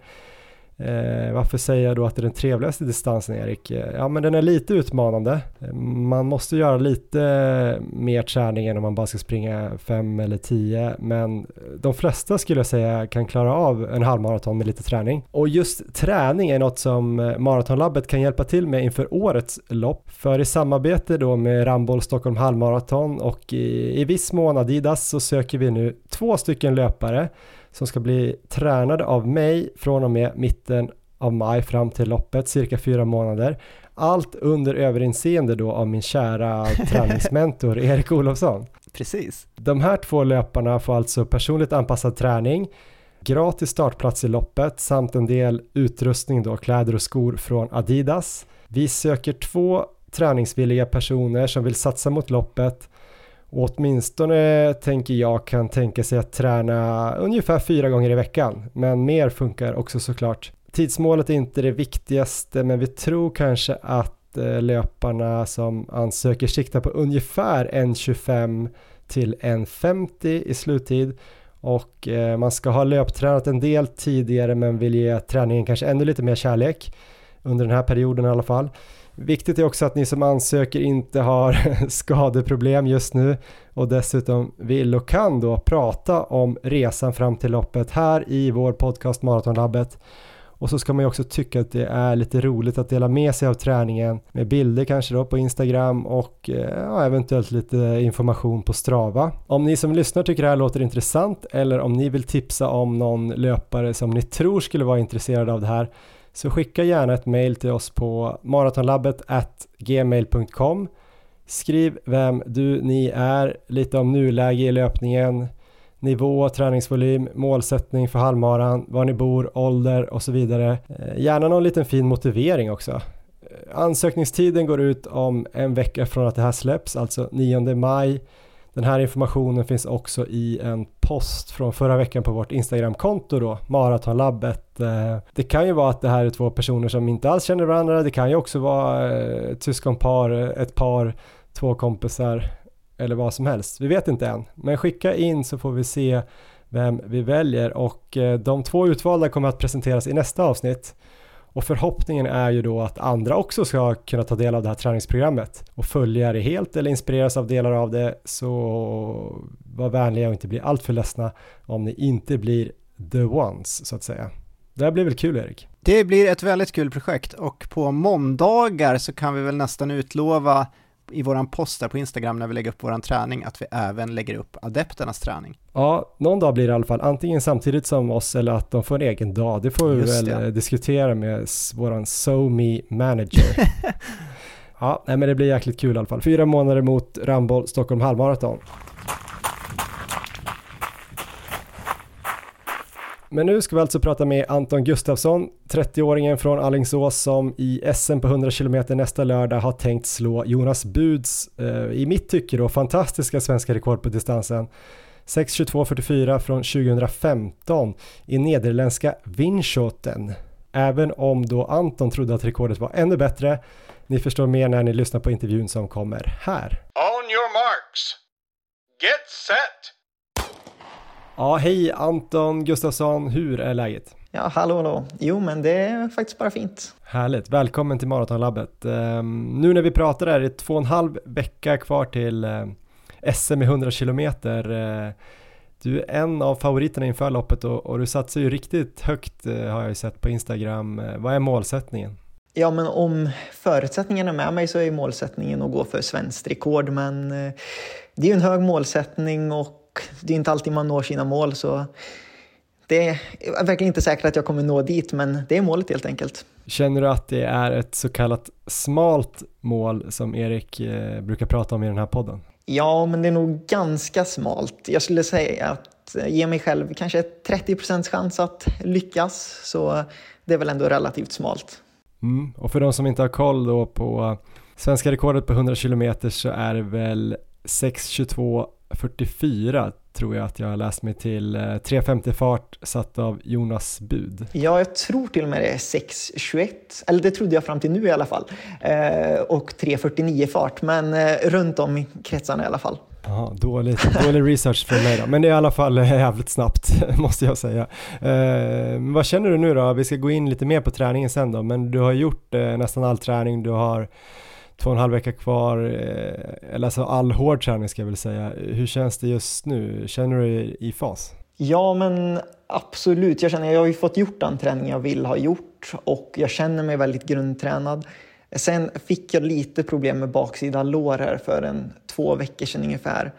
Eh, som är lite, jag är lite orolig för, men eh, det har känts ganska bra senaste veckan ändå. Så förhoppningsvis så ska det inte vara något som är i vägen för mig, utan ska ta det lite lugnare inför loppet nu och förhoppningsvis är jag i toppform om två och en halv vecka. Mm, spännande. Vi måste göra en liten bakgrundscheck här bara för, så vi vet vem vi pratar med. Om det verkligen är rimligt att du ska kunna ta Jonas Buds rekord tänker jag. För det första Anton Gustafsson, eh, vem är du höll jag på att säga? Jo, men jag är väl en glad familjefar sedan eh, ett år tillbaka. Och sedan ett år tillbaka är jag också en villaägare eh, utanför Allingsås. Och förutom det så gillar jag att springa mycket såklart. Du har hunnit bli 30 år, du fyller väl 31 i, i år. Det stämmer bra. Jag hittade en kort text om dig på Run Academys hemsida, det var från 2015. Då var du ledare där och jag tror du pluggade på Chalmers. Där stod det att du hade hållit på med löpning sedan du var 13. Men inte så mycket mer. Berätta om din bakgrund som löpare. Ja, den har nog missat själv, men det var verkligen en sanning med modifikation. Det är klart, jag sprang kanske när jag var 13, men eh, ja, vad kan jag ha sprungit då? Kanske fem kilometer i veckan på sin höjd och hemma bara för att det var skoj. Eh, så jag har aldrig sprungit i någon friidrottsklubb så eller tränat seriöst eh, i unga år. Men jag sprang ändå lite grann under eh, tonåren. Sen när jag var 18 så bestämde jag mig att det vore roligt att testa på att springa ett maraton med en kompis. Så då anmälde vi oss till Barcelona maraton. Så tänkte vi, vi måste ju träna också. Gick vi ut och sprang 15 kilometer. Eh, och så kände vi att ja, men det gick ju bra att springa 15 kilometer, då borde man ju kunna springa ett maraton. Men det gick väl inte så jättebra. Men jag tog mig i alla fall i mål på 3 timmar och 48 minuter. Och var väl ganska nöjd med det. Sen eh, efter det så eh, följde två, tre år där jag fortsatte springa lite grann men inte så jättemycket. Eh, fram till en 2014 när jag bestämde mig för att satsa lite mer på, på löpningen helt enkelt och ökade och kanske sprang en 4-5 mil i veckan. Och sen 2015 var väl då jag började tävla lite grann. Sprang mitt första halvmaraton, tror jag, Göteborgsvarvet, något 10 kilometers lopp och, och lite så. Vad var det som gjorde att du valde att eh, öka upp träningen lite grann då? Nej, men jag fastnade väl mer och mer för löpningen och tyckte det var roligare helt enkelt. Samtidigt som jag hade slutat spela fotboll precis och kände att någonting måste man hålla på med. Så landade jag i löpningen helt enkelt. Men du var fotbollsspelare Ja, ja i eh, division 5 så jag skulle väl... jag, jag spelade fotboll men en väldigt låg nivå där också, eh, ska man väl säga. Eh, Men det gick ganska snabbt ändå då, för 2017 ser jag att du gjorde halvmaran under en 10 ändå, en 09.35 om det stämmer. Jo men exakt. Eh, jo, men 2016-2017 så gick löpningen väldigt bra, gick väldigt snabbt framåt och eh, som du säger så sprang jag Köpenhamn halvmaraton 2017 på 1.09.30 tror jag va. Eh, och eh, hade väl ganska höga mål om att förbättra det och springa maraton ganska snabbt. Men sen våren 2018 så åkte jag på en semester till Spanien och eh, ja, sprang väl lite som vanligt men på en morgonjogg så eh, seglade jag ihop helt enkelt och eh, svimmade eh, helt från ingenstans. Och efter det så fick jag besöka en hjärtläkare för de upptäckte att det var lite konstigt på hjärtat och de blev väldigt oroliga i Spanien. Man kunde inte göra så mycket med det. Sen när jag väl kom hem till Sverige så åkte jag in till sjukhuset för att kolla upp det och det slutade med att jag landade på hjärtintensiven i en vecka. Vilket kanske inte var det roligaste för det var ganska sjuka människor där på hjärtintensiven och man såg en och annan person rullas ut på bår avliden faktiskt. Men de hittade väl inte något solklart fel på hjärtat, visste vad det berodde på. Eh, men jag fick en sak inopererad vid hjärtat för att mäta min hjärtfrekvens och de skulle försöka hitta om det var något fel. Men det landade i att jag blev utskriven och eh, blev beordrad att ta det lite lugnare helt enkelt. Så det fick jag göra. Sen när jag väl kunde börja springa igen så var jag väl lite för aggressiv och drog på mig ett löpknä efter det som jag hade ganska svårt att bli av med. Så både 2018 och 2019 försvann i princip iväg av både löpknä och jag drog på mig lite andra saker. Och hade svårt att komma tillbaka till löpningen helt enkelt. Men sen 2020 så började det väl ordna upp sig lite grann och kunna springa lite mer strukturerat. Och sen framförallt 2021, 2022 nu skulle jag väl säga att jag har kommit tillbaka till löpningen på riktigt och kunnat stega volymen lite extra mycket och även springa bättre än vad jag gjorde innan jag drog på mig de här skadorna helt enkelt. Hur känns eh, hjärtat nu då, måste jag fråga? Är det läskigt att hålla på och träna? Ja, nej, men nu för tiden är det inget jag tänker på enkelt. Jag hade en situation där jag faktiskt svimmade i somras och då blev jag lite orolig. Men det är väl sånt man får ta liksom. Man måste ju leva också. Så jag, jag tror inte det är något problem och det är inget de har varit oroliga för så när jag har haft kontakt med vården. Men eh, det är inga, inget som hindrar mig i min löpning helt enkelt, eller i mitt liv för den delen. Men eh, jag vet ju att du gjorde en ganska hård satsning där på SM 100 km 2021 när Erik var med och kom trea. Du bröt ju i ledning Eh, men hur länge har du haft liksom 100 km som en sträcka som du satsar mot? Det var nog en 6-7 veckor innan eh, SM 2021 helt enkelt. Jag hade egentligen tänkt springa Köpenhamn maraton som jag hade tränat inför. Eh, men det blev inställt på grund av covid och försökte hitta något annat som motiverar mig och det fanns inte speciellt mycket lopp. Så det var typ SM på 100 km som jag hittade och bestämde mig att ja, men det kan vara roligt att testa på. Eh, men jag hann väl inte varken få in den träning jag behövde eller riktigt känna av vad jag gick för inför loppet. Så jag gick lite för hårt ska man väl säga så här i efterhand på loppet och satsade lite för högt, vilket gjorde att jag inte klarade mig hela vägen. Dock fick jag blodad hand efter det. Ja, jag säga det. Du verkar ändå ha blivit biten. Ja, men jag tyckte det var roligt och jag kände att det här tror jag ändå att jag är ganska bra på om jag bara får träna ordentligt. Så jag gjorde en ny satsning inför 2022 då. och eh, lyckades i alla fall ta mig i mål på ett lopp. så, mm, men nu siktar jag ännu högre. Ja men precis. Eh, och det där loppet du kom i mål på, det var ett lopp som du ordnade själv va? Ja men det stämmer. Jag skulle springa SM 2022 eh, men gjorde misstaget att besöka mina brorsbarn och drog på mig en riktigt elak magsjuka. Vilket gjorde att jag inte kunde göra mig riktigt rättvis på SM eh, och behövde då springa ett annat lopp för jag ville kvala till VM som gick förra hösten.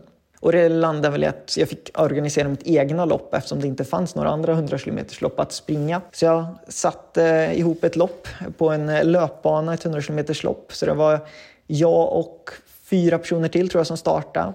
Jag var väl den enda som tog mig i mål men eh, lyckades springa på 6.51 vilket var ett par minuter under kvalgränsen till eh, VM i Berlin förra hösten. Just det, som Elof sprang sen då, men eh, du stod inte på startlinjen. Nej, jag hade väl hoppats att jag skulle stå där med Elof och Linus. Eh, men eh, återigen gjorde jag samma misstag. Den här gången hade jag bestämt mig att ja, men, två veckor innan, då ska jag liksom isolera mig för att verkligen komma till start. Eh, men det var väl 15-16 dagar innan loppet då, som jag träff återigen träffade mina brorsbarn. Den här gången fick vi covid av dem. Eh, Och eh, ja, det blev helt enkelt inte bra. Jag hade fortfarande positivt covid-svar när flygresan till Berlin skulle gå så jag kunde inte åka med helt enkelt. Och jag hade inte kunnat springa heller för jag var sjuk den dagen som loppet gick tyvärr. Så det kändes lite surt men eh, man ska väl lära sig av sina misstag så den här gången har jag utökat till tre veckor där jag inte får träffa mina brorsbarn inför SM och hoppas väl att det ska gå bra. Men du träffar dem fortfarande i alla fall? Ja, de, livet får inte helt stå i vägen för, eller löpningen får inte helt stå i vägen för livet så jag träffar dem fortfarande men utökar tiden lite grann. Ja men då har vi en hyfsat bra bakgrund här i alla fall och den här satsningen på 100 km har även gett eh, bra resultat på andra distanser. Du sprang ju maran i fjol, sub 2.24 va? Ja och, exakt. Eh, sprang även i, det var Göteborg och sen sprang du väl även i Oslo när du sprang tre distanser där, Oslo maraton, halvmaraton och 10 km och vann. Ja exakt, ja, men det Oslo maraton det, det är nog min bästa löpupplevelse och löpprestation jag har gjort. Det var Oslo-trippen heter det, går ut på att man ska springa Oslo maraton, halvmaraton och 10 kilometer på samma dag. Då. Och beroende på hur snabbt man springer så får man olika mycket vila emellan. Eh, för mig som sprang maraton på 2.26, halvmaraton på 1.16 och 10 kilometer på 35 så blev det ungefär en och en halv timme vila mellan loppen. Där som sagt lyckades jag vinna och slå banrekord med 11 minuter på totalen då på alla loppen tillsammans och kom trea i själva maratonloppet enskilt. Så det blev en 73 kilometer i 3.31 snitt totalt sett. Oh, på en eh, ganska backig bana ska sägas. Jag tror det är ungefär 500 höjdmeter på maratonbanan och hälften så mycket på halvmaran. Och gick du hårt då på maran som inledde eller? Gick lite hårdare än vi hade tänkt eh, men höll igen lite på slutet för jag kände att jag, om jag går fullt ut så kommer jag aldrig kunna springa en halvmaraton efteråt. Så jag kanske, ja, max två minuter snabbare om jag hade gått fullt eh, att jag hade kunnat springa. Men det var ändå ganska nära full fart skulle jag säga. Om vi kollar på årets SM då, som är om två och en halv vecka när vi spelar in det här. Du verkar ha tränat riktigt, riktigt bra. Berätta lite om ditt träningsupplägg här under våren. Ja, men jag har inte haft så strukturerat exakt vad jag ska göra på vissa dagar eller vissa veckor. Eh, men mitt träningsupplägg bygger på att jag vill ha en ganska hög volym och framförallt fokus på långa pass i tänkt tävlingsfart med det mesta likt tävlingsdagen med energi och allting eh, för att helt enkelt få in det i kroppen. Så det har väl blivit nu, man skulle kunna säga att jag har haft en period på 13 veckor eh, där jag har byggt upp inför att jag nu går ner lite i volym inför loppet. Och på de 13 veckorna har jag snittat ungefär 175 kilometer i veckan och haft ett x antal långpass. Jag tror det blivit två stycken över 50 kilometer, två över 60 och två 70 kilometers pass helt enkelt. Som alla har gått i 3.45 eller strax därunder. Mm. Så det är det mycket som träningen bygger runt. Utöver det så blir det väldigt mycket distans med barnvagn på veckodagarna och sen en del kvalitet på löpband samtidigt som min son sover. Då. Just det, för du är pappaledig just nu. Exakt, jag har varit pappaledig nu, egentligen under hela den här satsningen då, eh, sen slutet av januari. Så eh, man får pass, anpassa träningen lite ut efter vad sonen vill och gör helt enkelt.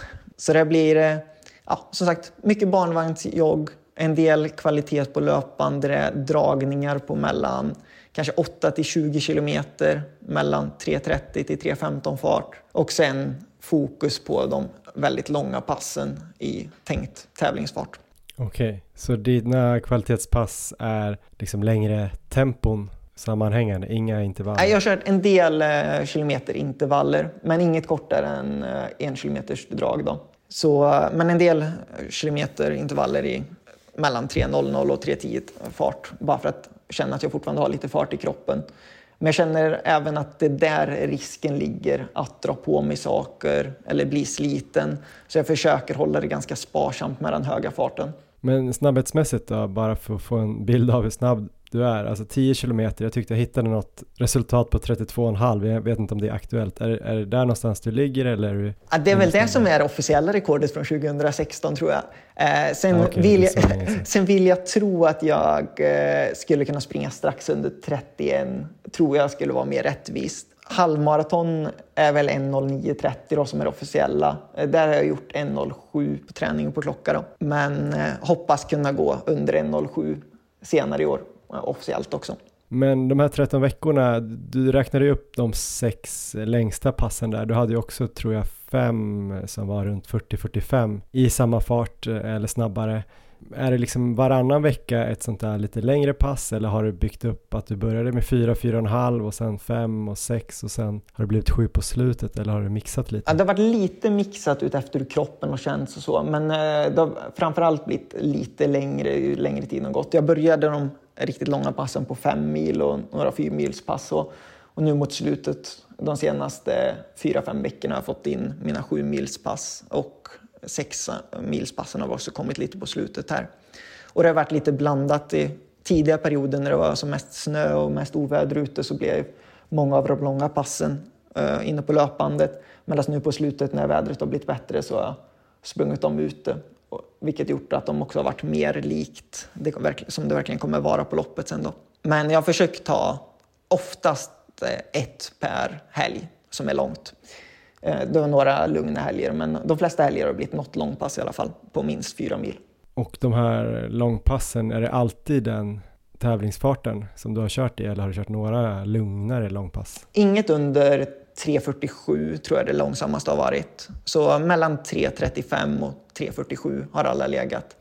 Just för att jag vill ha den tävlingsspecifika känslan och känna att jag blir stabil i de farterna. Och när jag kommer ut till loppet så ska det inte vara att jag bara sprungit en eller två gånger i de farterna är långt utan det ska gå ganska enkelt första fem milen eh, minst. Och så jag har även sprungit, alla passen jag sprungit har varit på slingor som är mellan en till tre kilometer långa.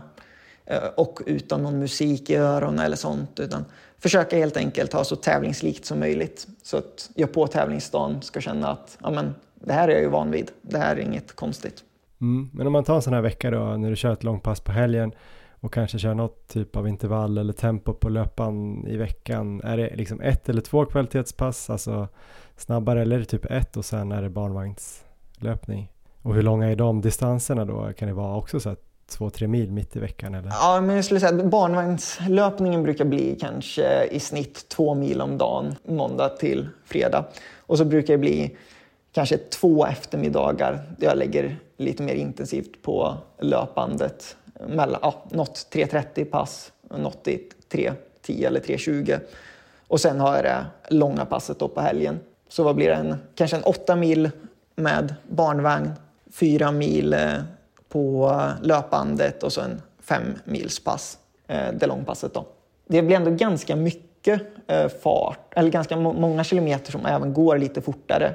I princip allt som jag inte springer med barnvagn går lite fortare faktiskt. Hur har du kommit fram till den här träningsplanen? Är det egna idéer eller har du fått inspiration någonstans ifrån? Jag skulle vilja säga att det är 90 eh, egna idéer som jag har pusslat ihop vad jag tror att jag behöver och vad som funkar med livet i övrigt helt enkelt.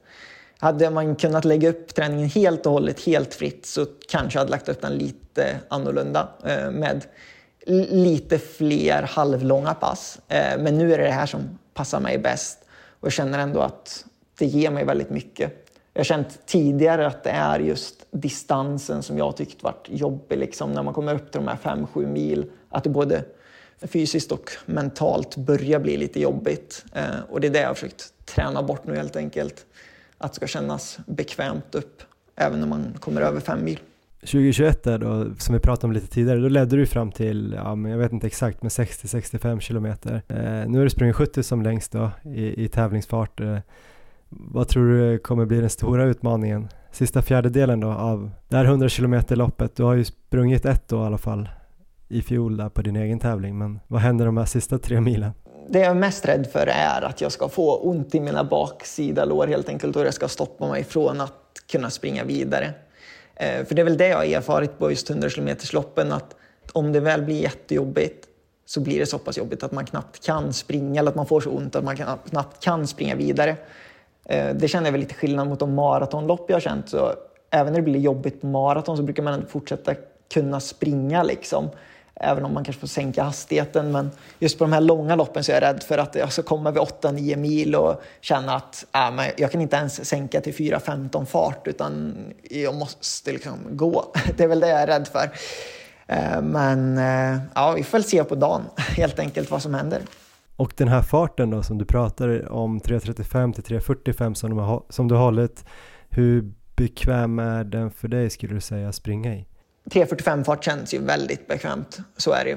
Alltså, lägga, ut ett, lägga ett maraton i 3.45 fart är ju inga problem alls. Det kan jag gå ut och göra vilken dag som helst utan att behöva ta i allt för mycket. Men det är ju stor skillnad på att springa ett maraton och 100 kilometer. Så förhoppningsvis kommer det kännas bekvämt även efter 5, 6, 7 mil. Men eh, det, det är bekväm fart helt enkelt. Har du gjort några sådana här eh, tröskeltester eller liknande någon gång? Eller nyligen? Nej, tyvärr inte. Jag hoppas kunna göra det så småningom, men jag har inte gjort något sånt än. Nej. Så, uh, värdena man får på sin Garmin-klocka säger väl inte så jättemycket. Då, uh, ibland kan man vara världsbäst på dem. Ja, jo så är det ju. Det var kul att se liksom när du börjar få, när du kommer upp i den aeroba tröskeln, mm. den, den, lägre tröskeln. Om... Ja, men jag, jag, jag, är väldigt nyfiken på det själv. Jag, jag, är inte så, jag går inte så mycket på olika siffror när jag tränar utan det är mest känsla helt enkelt. Men hade varit roligt att kunna mäta lite både laktatvärden och pulszoner och liknande. Så det står väl lite här inför sommaren på agendan att få ett sånt test gjort. Jag tänkte en annan grej, om man jämför då 100 km med maraton, man fattar att det är en helt annan grej, men eh, vad är de stora skillnaderna? Eller skulle du kunna träna ett liknande till en maraton tror du? Aj, på, inför maraton tror jag skulle behöva få in lite mer fart. För på maraton ligger ja. man ändå så pass nära en hög hastighet som man verkligen får ta i på varje steg. Att man vill ha lite mer överfart än vad jag tycker att man behöver på just 100 kilometer. Så lite mer långa dragningar i tänkta farten, kanske 4-5 gånger 5 kilometer och liknande sådana pass. Men även lite kort, kortare dragningar som 1000 meter eller 400 meter för att känna att man har lite överfart helt enkelt, hade jag nog behövt för att prestera på maraton. För det, det, är, det är den största skillnaden tycker jag mellan maraton och 100 kilometer. Att på 100 kilometer så känns det väldigt ledigt, alltså väldigt lätt och fint i steget även på tävlingsfart. Men på maraton är min erfarenhet i alla fall att det känns som att man får ta i på varje steg, även i tävlingsfart. Det är klart att man inte pushar ifrån max, men det känns liksom jobbigt från fem kilometer enkelt, mer eller mindre. Jag vet att Erik har tränat på eh, inför 24 timmars SM här att springa liksom alltså så muskulärt, eh, vad ska man säga, lätt som möjligt, alltså kanske med liten flygfärd och inte så mycket studs och sådär. Eh, eh, anpassar du ditt steg mycket för att hålla liksom 100 kilometer? Inte jättemycket och det är väl mycket för att jag har ett väldigt kort steg. Eh, jag brukar ligga på en stegfrekvens på 190 till 200 eh, i minuten så jag känner inte att jag kan anpassa så jättemycket men jag försöker ha lite lägre steg för jag känner att det sliter lite mindre helt enkelt. Eh, men framförallt försöker jag bara springa naturligt så det inte ska kännas konstigt helt enkelt. Så inte så jättemycket anpassningar. Jag tänkte på de här eh, farterna då, eller, eller både du och Elov, Olsson och Jonas Bud eh, som är duktiga 100 km löpare, ni har ju rekord på maraton som är någonstans där mellan 2.22 till 2.26 tror jag. Eh, tror du att det är många elitmaratonlöpare i spannet där 2.10 till 2.15 som skulle kunna springa ännu bättre ner på 100 km? Liksom hur mycket träning krävs det och hur mycket talang är att springa liksom längre än maraton? Alltså Micke Ekvall eh, verkar ju prova lite grann. Eh, vad är dina tankar kring det? Ja, jag tror inte det är någon egentligen i Sverige just nu som bara hade kunnat gå ut och slå svenskt rekord rakt upp och ner liksom imorgon eller med eh, ett par veckor framförhållning bara. Men om man skulle få ett halvår på sig att sikta till hösten, då tror jag absolut att någon av våra bästa maratonlöpare skulle slå svenskt rekord utan problem. Men jag tror också att många hade fått problem så säg, min gissning är att om vi skulle ta de åtta bästa maratonlöparna i Sverige idag och säga att de skulle springa svenskt rekord till hösten så tror jag nog fyra av de åtta hade nog skadat sig och inte kommit till start överhuvudtaget. Två av åtta hade nog inte klarat av det helt enkelt, inte blivit tillräckligt bra. Och sen kanske två, de resterande två, de hade blivit tillräckligt bra för att slå svenskt rekord. Och en av dem hade kanske failat ändå på, på loppet. Och... Eh, kanske, men jag tror eh, minst, minst en till två hade nog slått svenskt rekord av de åtta. Men jag tror väl att det är det som skiljer sig mest. Att du behöver liksom träna, oavsett vilken distans du springer så behöver du träna lite för den. Med ganska kort framförhållning så tror jag ganska många hade skadat sig helt enkelt när de skulle gå upp till den distansen. Vad tror du om SM då? Går du bara all in på, på ditt eget lopp eller har du någon koll på konkurrensen? Finns det fler som också kan göra runt 6.20 eller snabbare? Jag tror, i Sverige så tror jag bara det är eventuellt om Mikael Ekvall. Som jag, jag har ingen koll på hur han har tränat eller var han ligger till men med hans bakgrund och att han ändå har siktat på det så borde han kanske kunna ha den kapaciteten. Sen klart att vi har en sån som Elov kommer, ska inte starta om jag förstått rätt. Han siktar väl på Comrades. Sen har vi alltid Linus Wirén. Vet jag inte riktigt var han ligger till heller kanske att han skulle kunna göra det. Annars så tror jag inte vi har någon i dagsläget som har den kapaciteten, som jag har sett i alla fall. Men det vet man aldrig på dagen. Och du kommer gå för rekordet eh, och sen då som bonus ett guld eller kommer du anpassa någonting för att säkra ett guld? Är förutsättningarna bra, att det inte är typ 25 grader och sol, så yeah. kommer jag gå för rekordet och guldet blir en bonus. Om jag känner tidigt i loppet att Nej, men det här känns inte bra, jag kommer aldrig klara det. Eller om det skulle vara dåligt, alldeles för dåligt väder eller liknande, då kan det bli att jag siktar på en medalj istället, eh, istället för svenska rekordet. Men ursprungstanken är att liksom, rekordet eh, och mitt egna lopp i fokus och sen får resultatet på SM bli vad det blir. Nu ska vi inte gå händelserna i förväg här utan fokusera på det här loppet, men finns det, finns det andra längre distanser som också lockar i framtiden? Aj, ja, det känns som att det finns 50 eh, olika scenarier på hur det går nu på SM då, och vilken form jag är efter SM.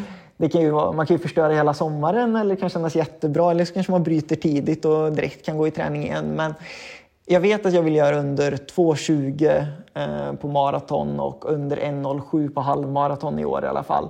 Eh, så någon, någon period vill jag få att kunna sikta lite grann på det.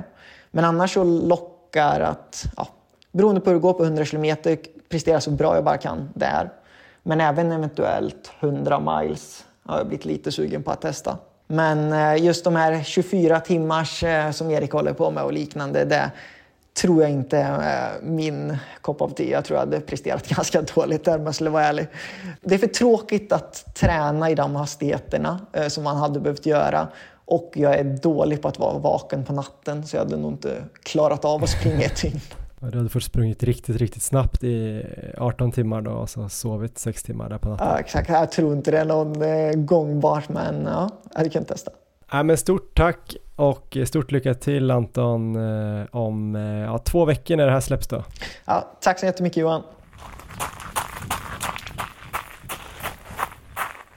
Ja, men det där var alltså Anton Gustafsson och tack så mycket för den pratstunden. Erik Olofsson, du som också är ultralöpare, eh, vad tänkte du när du hörde intervjun här med Anton? Väldigt spännande att höra och jag gillar hans upplägg skarpt, kanske inte helt oväntat. Men jag tror att det här är helt rätt väg att gå för honom för att kunna prestera så bra som möjligt på 100 km.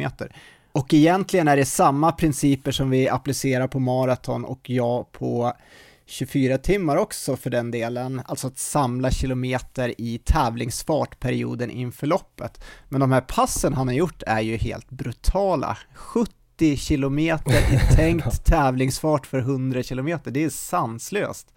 Och där är väl kanske det enda frågetecknet jag möjligen har, om det är värt att köra så långa pass eller om det skulle vara bättre att nöja sig kanske runt 50 km och sen försöka sprida ut den här volymen i tävlingsfart mer. Men jag har inget svar på det. Men eh, det måste ju vara oerhört slitsamt och väldigt få som klarar av de där passen utan att behöva över en vecka att återhämta sig. Så jag är, jag är imponerad, oerhört imponerad. Sen så tror jag, det har du lite koll på också där med att springa med barnvagn på distanspassen. Det kan väl kanske vara en ganska bra grej för Anton, just att få den här bromsen där. Eh, så han kan återhämta sig sen efter de här monsterpassen. Ja, på ett sätt är det ju så om man känner att man bara nöjer sig och tänker så här, det blir vad det blir. Aha. Det här är bara lite härligt att vara ute med, med, med, barnet. Men det kan ju också vara om man är lite sådär, eh, att man är sugen på, på tider och känner att man vill eh, trycka på. Då blir det ju extra jobbigt om det är backigt och sådär och, och trycka på. Han är ju inte jättestor heller Anton, så det blir kanske lite styrketräning där. Just det. Men det blir ju spännande att följa minst sagt det här. Eh, ett roligt lopp är det också med ett intressant upplägg. Det är ju 100 km då på en galoppbana. Så att eh, vi kan ju bara tänka oss in de här möjligheterna för livesändningen med kameror överallt och med speaker och vi skulle ju till och med kunna få ett målfoto där mellan Anton och Mikael Ekvall som strider hela vägen in på mållinjen. Så att om jag inte är på plats och kollar så kommer jag helt klart sitta bänkad framför livesändningen. Ja, vad tror du då? Jag har ingen bra koll. Han nämnde ju några löpare där, Linus Wirén och Mikael Ekvall, men han verkar inte heller veta vart de står just nu. Jag har kollat eh, startlistan, men det är ju, jag tror det kommer dyka in ganska många namn på slutet. Det har varit lite tunt eh, innan, men det finns eh, flera intressanta namn där.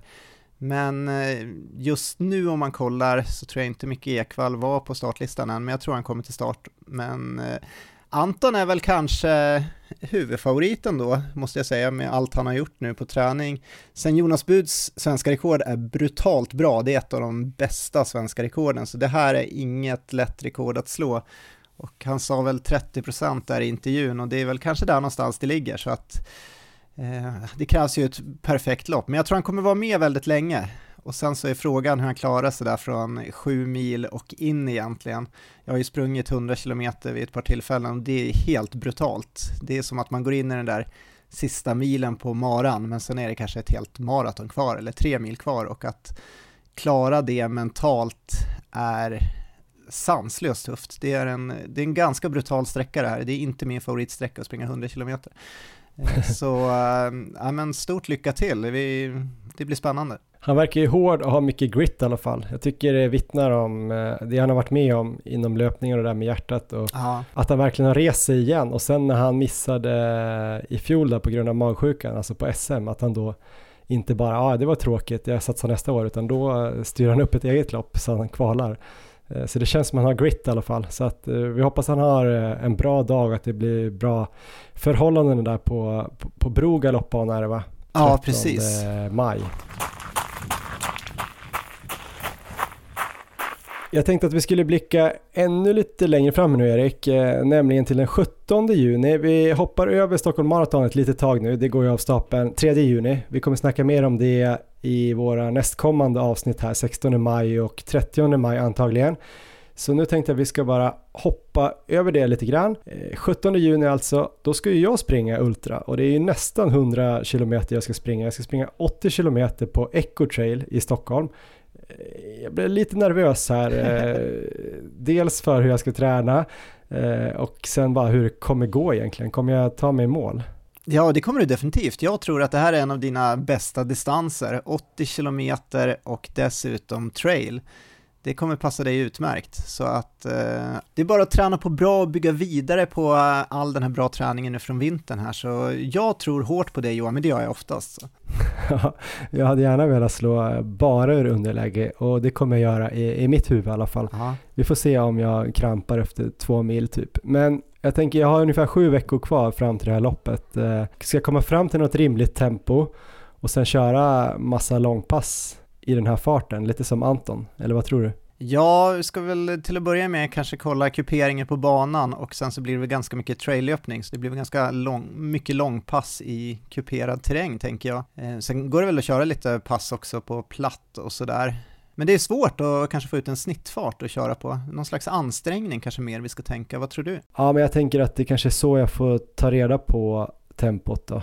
Att uh, springa då kanske någonstans runt aerob tröskel eller lite lägre i början, springa i skogen, se lite vad det blir för farter och hur det känns helt enkelt och se om det känns rimligt att hålla det i 80 kilometer. Och det längsta passet du har sprungit, det var när vi sprang eh, söder runt där en massa varv va? Sprang du 6 mil då eller vad var det? Ja, knappt. Jag tror det var kanske 57 eller något sånt där.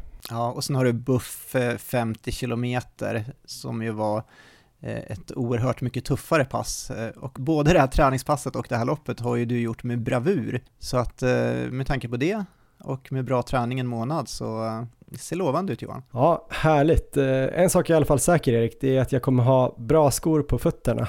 Det kan ja. också vara viktigt. Eh, träningen kommer ju vara kanske ännu viktigare, men, men, men, skor är bra att ha och vi får tacka vår samarbetspartner då Craft för att jag har bra skor att springa i på det här loppet. Vi har ju tidigare pratat om eh, CTM Ultra 3 och eh, Endurance Trail, men lite beroende på hur teknisk den här banan är så kan ju valet också falla på CTM Ultra Carbon 2 de är lite lättare än Endurance Trail och eh, liknar kanske mer en vägsko i själva uppbyggnaden eh, med 40 mm tjock sula i hälen, 10 mm dropp och så då som namnet antyder har den en kolfiberplatta som hjälper till med ja, flexibilitet och responsen i steget. Ovandelen är i en mjuk och luftig mesh, väldigt rymlig vilket ska ju vara bra för Eh, ultralopp när fötterna kanske sväller.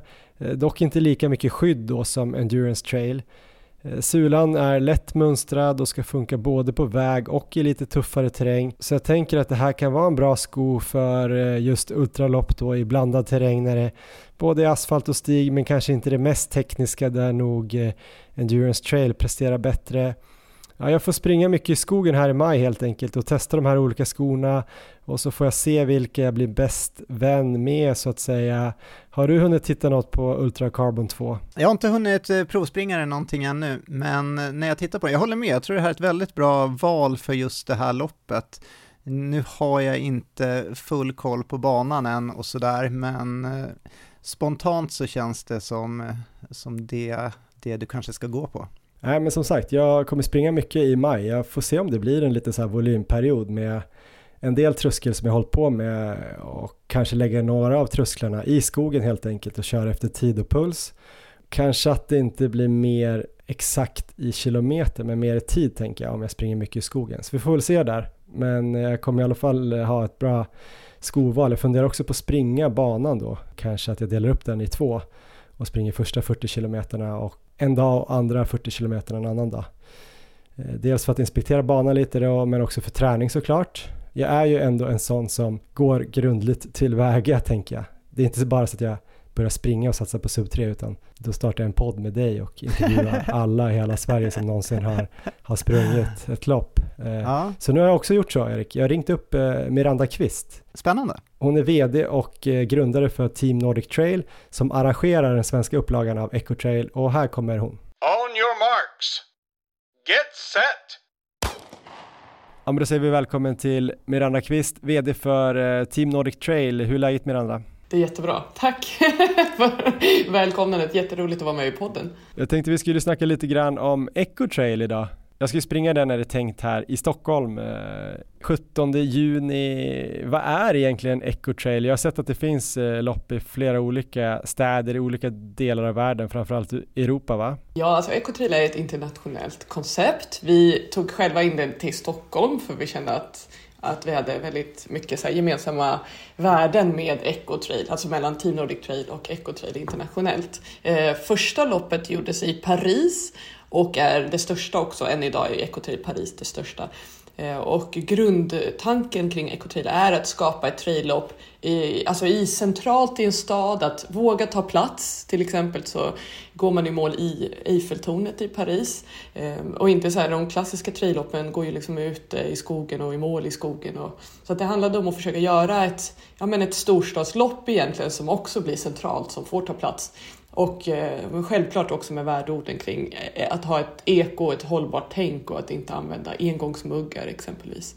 Så eh, det finns ju i en rad olika stora städer runt om i Europa och det finns också internationella, alltså ännu mer eh, lopp, ännu mer internationellt, det vill säga i Asien och så vidare. Sen har vi haft lite så här begränsningar såklart i, ta- i samband med pandemin så var det väl lite utmaningar men eh, nu är det på gång igen och etableras ännu fler ekotrails runt om i, runt om i världen. Jag såg att EcoTrail Stockholm har anordnat sedan 2017. Är det ni som har eh, arrangerat alla gånger där? Absolut. Vi tog in eh, Ecotrail i Stockholm och så körde vi första upplagan 2017. Då hade vi faktiskt mål i Kungsträdgården eh, och det var ju jättehäftigt men då blev det lite, lite för mycket asfalt sista biten.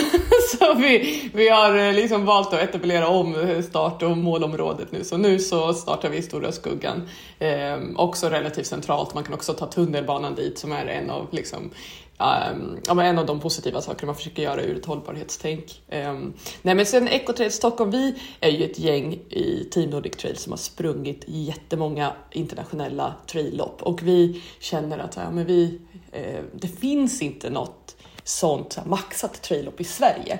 Så vi vill, eller framförallt i Stockholm, så vi ville göra ett traillopp där vi försöker maximera upplevelsen, varenda liksom, stig är handplockad i princip, men också att ha ett bra målområde där man får mat och man, man ska liksom hänga lika många timmar i målområdet som man är ute på stigarna och att man liksom, hela den här communityn ska eh, också genomsyra loppet. Eh, det är kul att arrangera ekotrail. Jag var inne och kollade förut, det känns som att det finns någon distans för alla då som springer. Hur många distanser finns det att tävla på och var går liksom banorna? Är det olika beroende på hur långa de är och sådär? Ja, det är också en del av ekotrail-konceptet att alla ska kunna vara med. Så vi har ju alltså sträckor från, alltså vi har ju 8 kilometer, 16, 33, 45 och 80 kilometer att välja på. Och sen har vi även banlopp som är 600 meter och 2 kilometer. Så vi, liksom, hela tanken är att du ska ju liksom alltid kunna ha en distans som liksom passar dig. Och 8 kilometer har vi dessutom tävlingsklass och sen även utan tidtagning om man hellre vill ha det så. Eh, och sen så går ju banorna, eh, jag menar 8, 16, 33, ja, alltså, grejen är så att det blir lite, alla gör en loop norrut så beroende på vilken sträcka som du kör så kör du ju längre loop. Ehm, så till exempel 80 kilometer, ni gör ju loop norrut från Stora Skuggan så går den ju liksom förbi ja, men Brunnsviken, Järvafälten, ut hela vägen till Törnskogen i Sollentuna och den ska, du ska upp på Väsjöbacken och du ska upp på Hagatoppen och så, här, så att vi har försökt samla alla höjdmeter som man kan Ja, vad hitta. schysst. ja, vi har försökt. Och sen är det så roligt för att många så här, Stockholmslöpare, de säger ju verkligen att det här är ju liksom stigar som jag aldrig har sprungit på. Det här är liksom mina hem, hemmatrakter. Ehm, och det talar väldigt mycket för att vi har, ja, men jag har försökt hitta så här riktigt fina och lite mer exklusiva stigar, jag vet inte hur man ska säga det, men mer så här stigar som kanske inte man självklart väljer i vanliga fall utan att man ska få en lite ny upplevelse trots att man springer på hemma, i hemmaskogen. Annars då, hur tekniskt är det och liksom hur är kuperingen totalt sett? Det är ju klart mer tekniskt på Ecotrail än vad jag tror de flesta, som många förväntar sig. Så vi har ju försökt välja mycket tekniska stigar och vi, vi brukar alltid rekommendera att du har trailskor på dig när du springer Ecotrail. Eh, sen är det ju, ja men, ju längre lopp desto fler höjdmeter har vi såklart kunnat klämt in. Vi har ju som mest 1400 höjdmeter på 80 km loppet och då har vi ju försökt addera alla höjdmeter som är liksom, möjliga. Eh, men det, det, är ganska kul för jag tror också att man, när man kör, om man kör 80 då, nu blir vi väldigt insnöade på 80 men Kör man den eller 45 då får man ju också uppleva många olika typer av naturreservat och olika skogar i Stockholm. Man får ju uppleva liksom Törnskogen, Ursviksskogen, Järvafälten, runt Brunnsviken, Liljonskogen och alltså så det, det är väldigt, eh, ja men jag tror att eh, för många som kommer, även internationella löpare, så tror jag att de, ja, men de får en väldigt positiv syn på vad mycket natur vi har i, i, i centralt i Stockholm men också i Storstockholm. Um, och det är ju i grunden, här har vi ju ett, ett upplevelselopp, det är ju det vi kallar det, så vi vill ju att det, det ska kännas upplevelserikt att springa loppet, men även i målområdet att du känner att ja, men jag, ja, man får mycket för pengarna, att man känner att ja, man får en så här fantastiskt fin eh, handgjord medalj, du får, får ett eh, matteam som står och bara liksom brassar på kö, äh, käk, eh, så att när du kommer i mål så får du ett vegetariskt mål ehm, och även en alkoholfri bärs. Ja, men vi, det är ett bra lopp helt enkelt. det kommer förhoppningsvis vara trevligt i alla fall. Ja, men... Man kommer bli trött. ja, det är såklart du kommer bli skittrött. Stort Tack Miranda, supertaggad. Ja, kul! Ja, nej, men vi, jag är ju väldigt taggad på att, eh, jag är ju speaker på loppet så att jag kommer ju ropa in dig i mål. Eh, så jag, jag vet inte, kommer jag ropa in dig först eller hur kommer det gå? Nej, men jag hoppas i alla fall att du får ropa in mig i mål så att jag inte bryter någonstans uppe på Järvafältet eller något. Förväntansbilden var så här att du bara lägger förväntan lite. Nej men det blir jättebra, det kommer bli skitkul. Jag, jag är sjukt taggad. Så 17 juni Eko till Stockholm, du är supervarmt välkommen. Vi ses då. Vi ses, tack så mycket. Tack. Ja, vi får tacka en peppad och väldigt peppande Miranda Kvist och om ni som lyssnar blev sugna på att anmäla sig till Ecotrail så kan ni göra det då på deras hemsida där då stockholm.ecotrail.com och använd koden eh, Maratonlabbet med små bokstäver. Då får ni 10% rabatt. Den här koden då, Maratonlabbet, räcker till och med den eh, 31 maj. Man kan följa oss också på Instagram där vi heter Maratonlabbet. Eh, du heter också erik.olo där och jag Johan Forstedt. Strava, Erik Olofsson, Johan Forsstedt. Glöm inte Adidas Tryon Sessions ikväll på Stadion. Det blir kul. Det är Drift Running Club som håller i det ikväll. Eh, där kan ni då få bra träning och få testa Adidas skor. Eh, tack för stödet och att ni fortsätter lyssna på oss. Det värmer två lagom gamla med friska hjärtan. Ha det bra Erik! Ha det bra, tack för idag!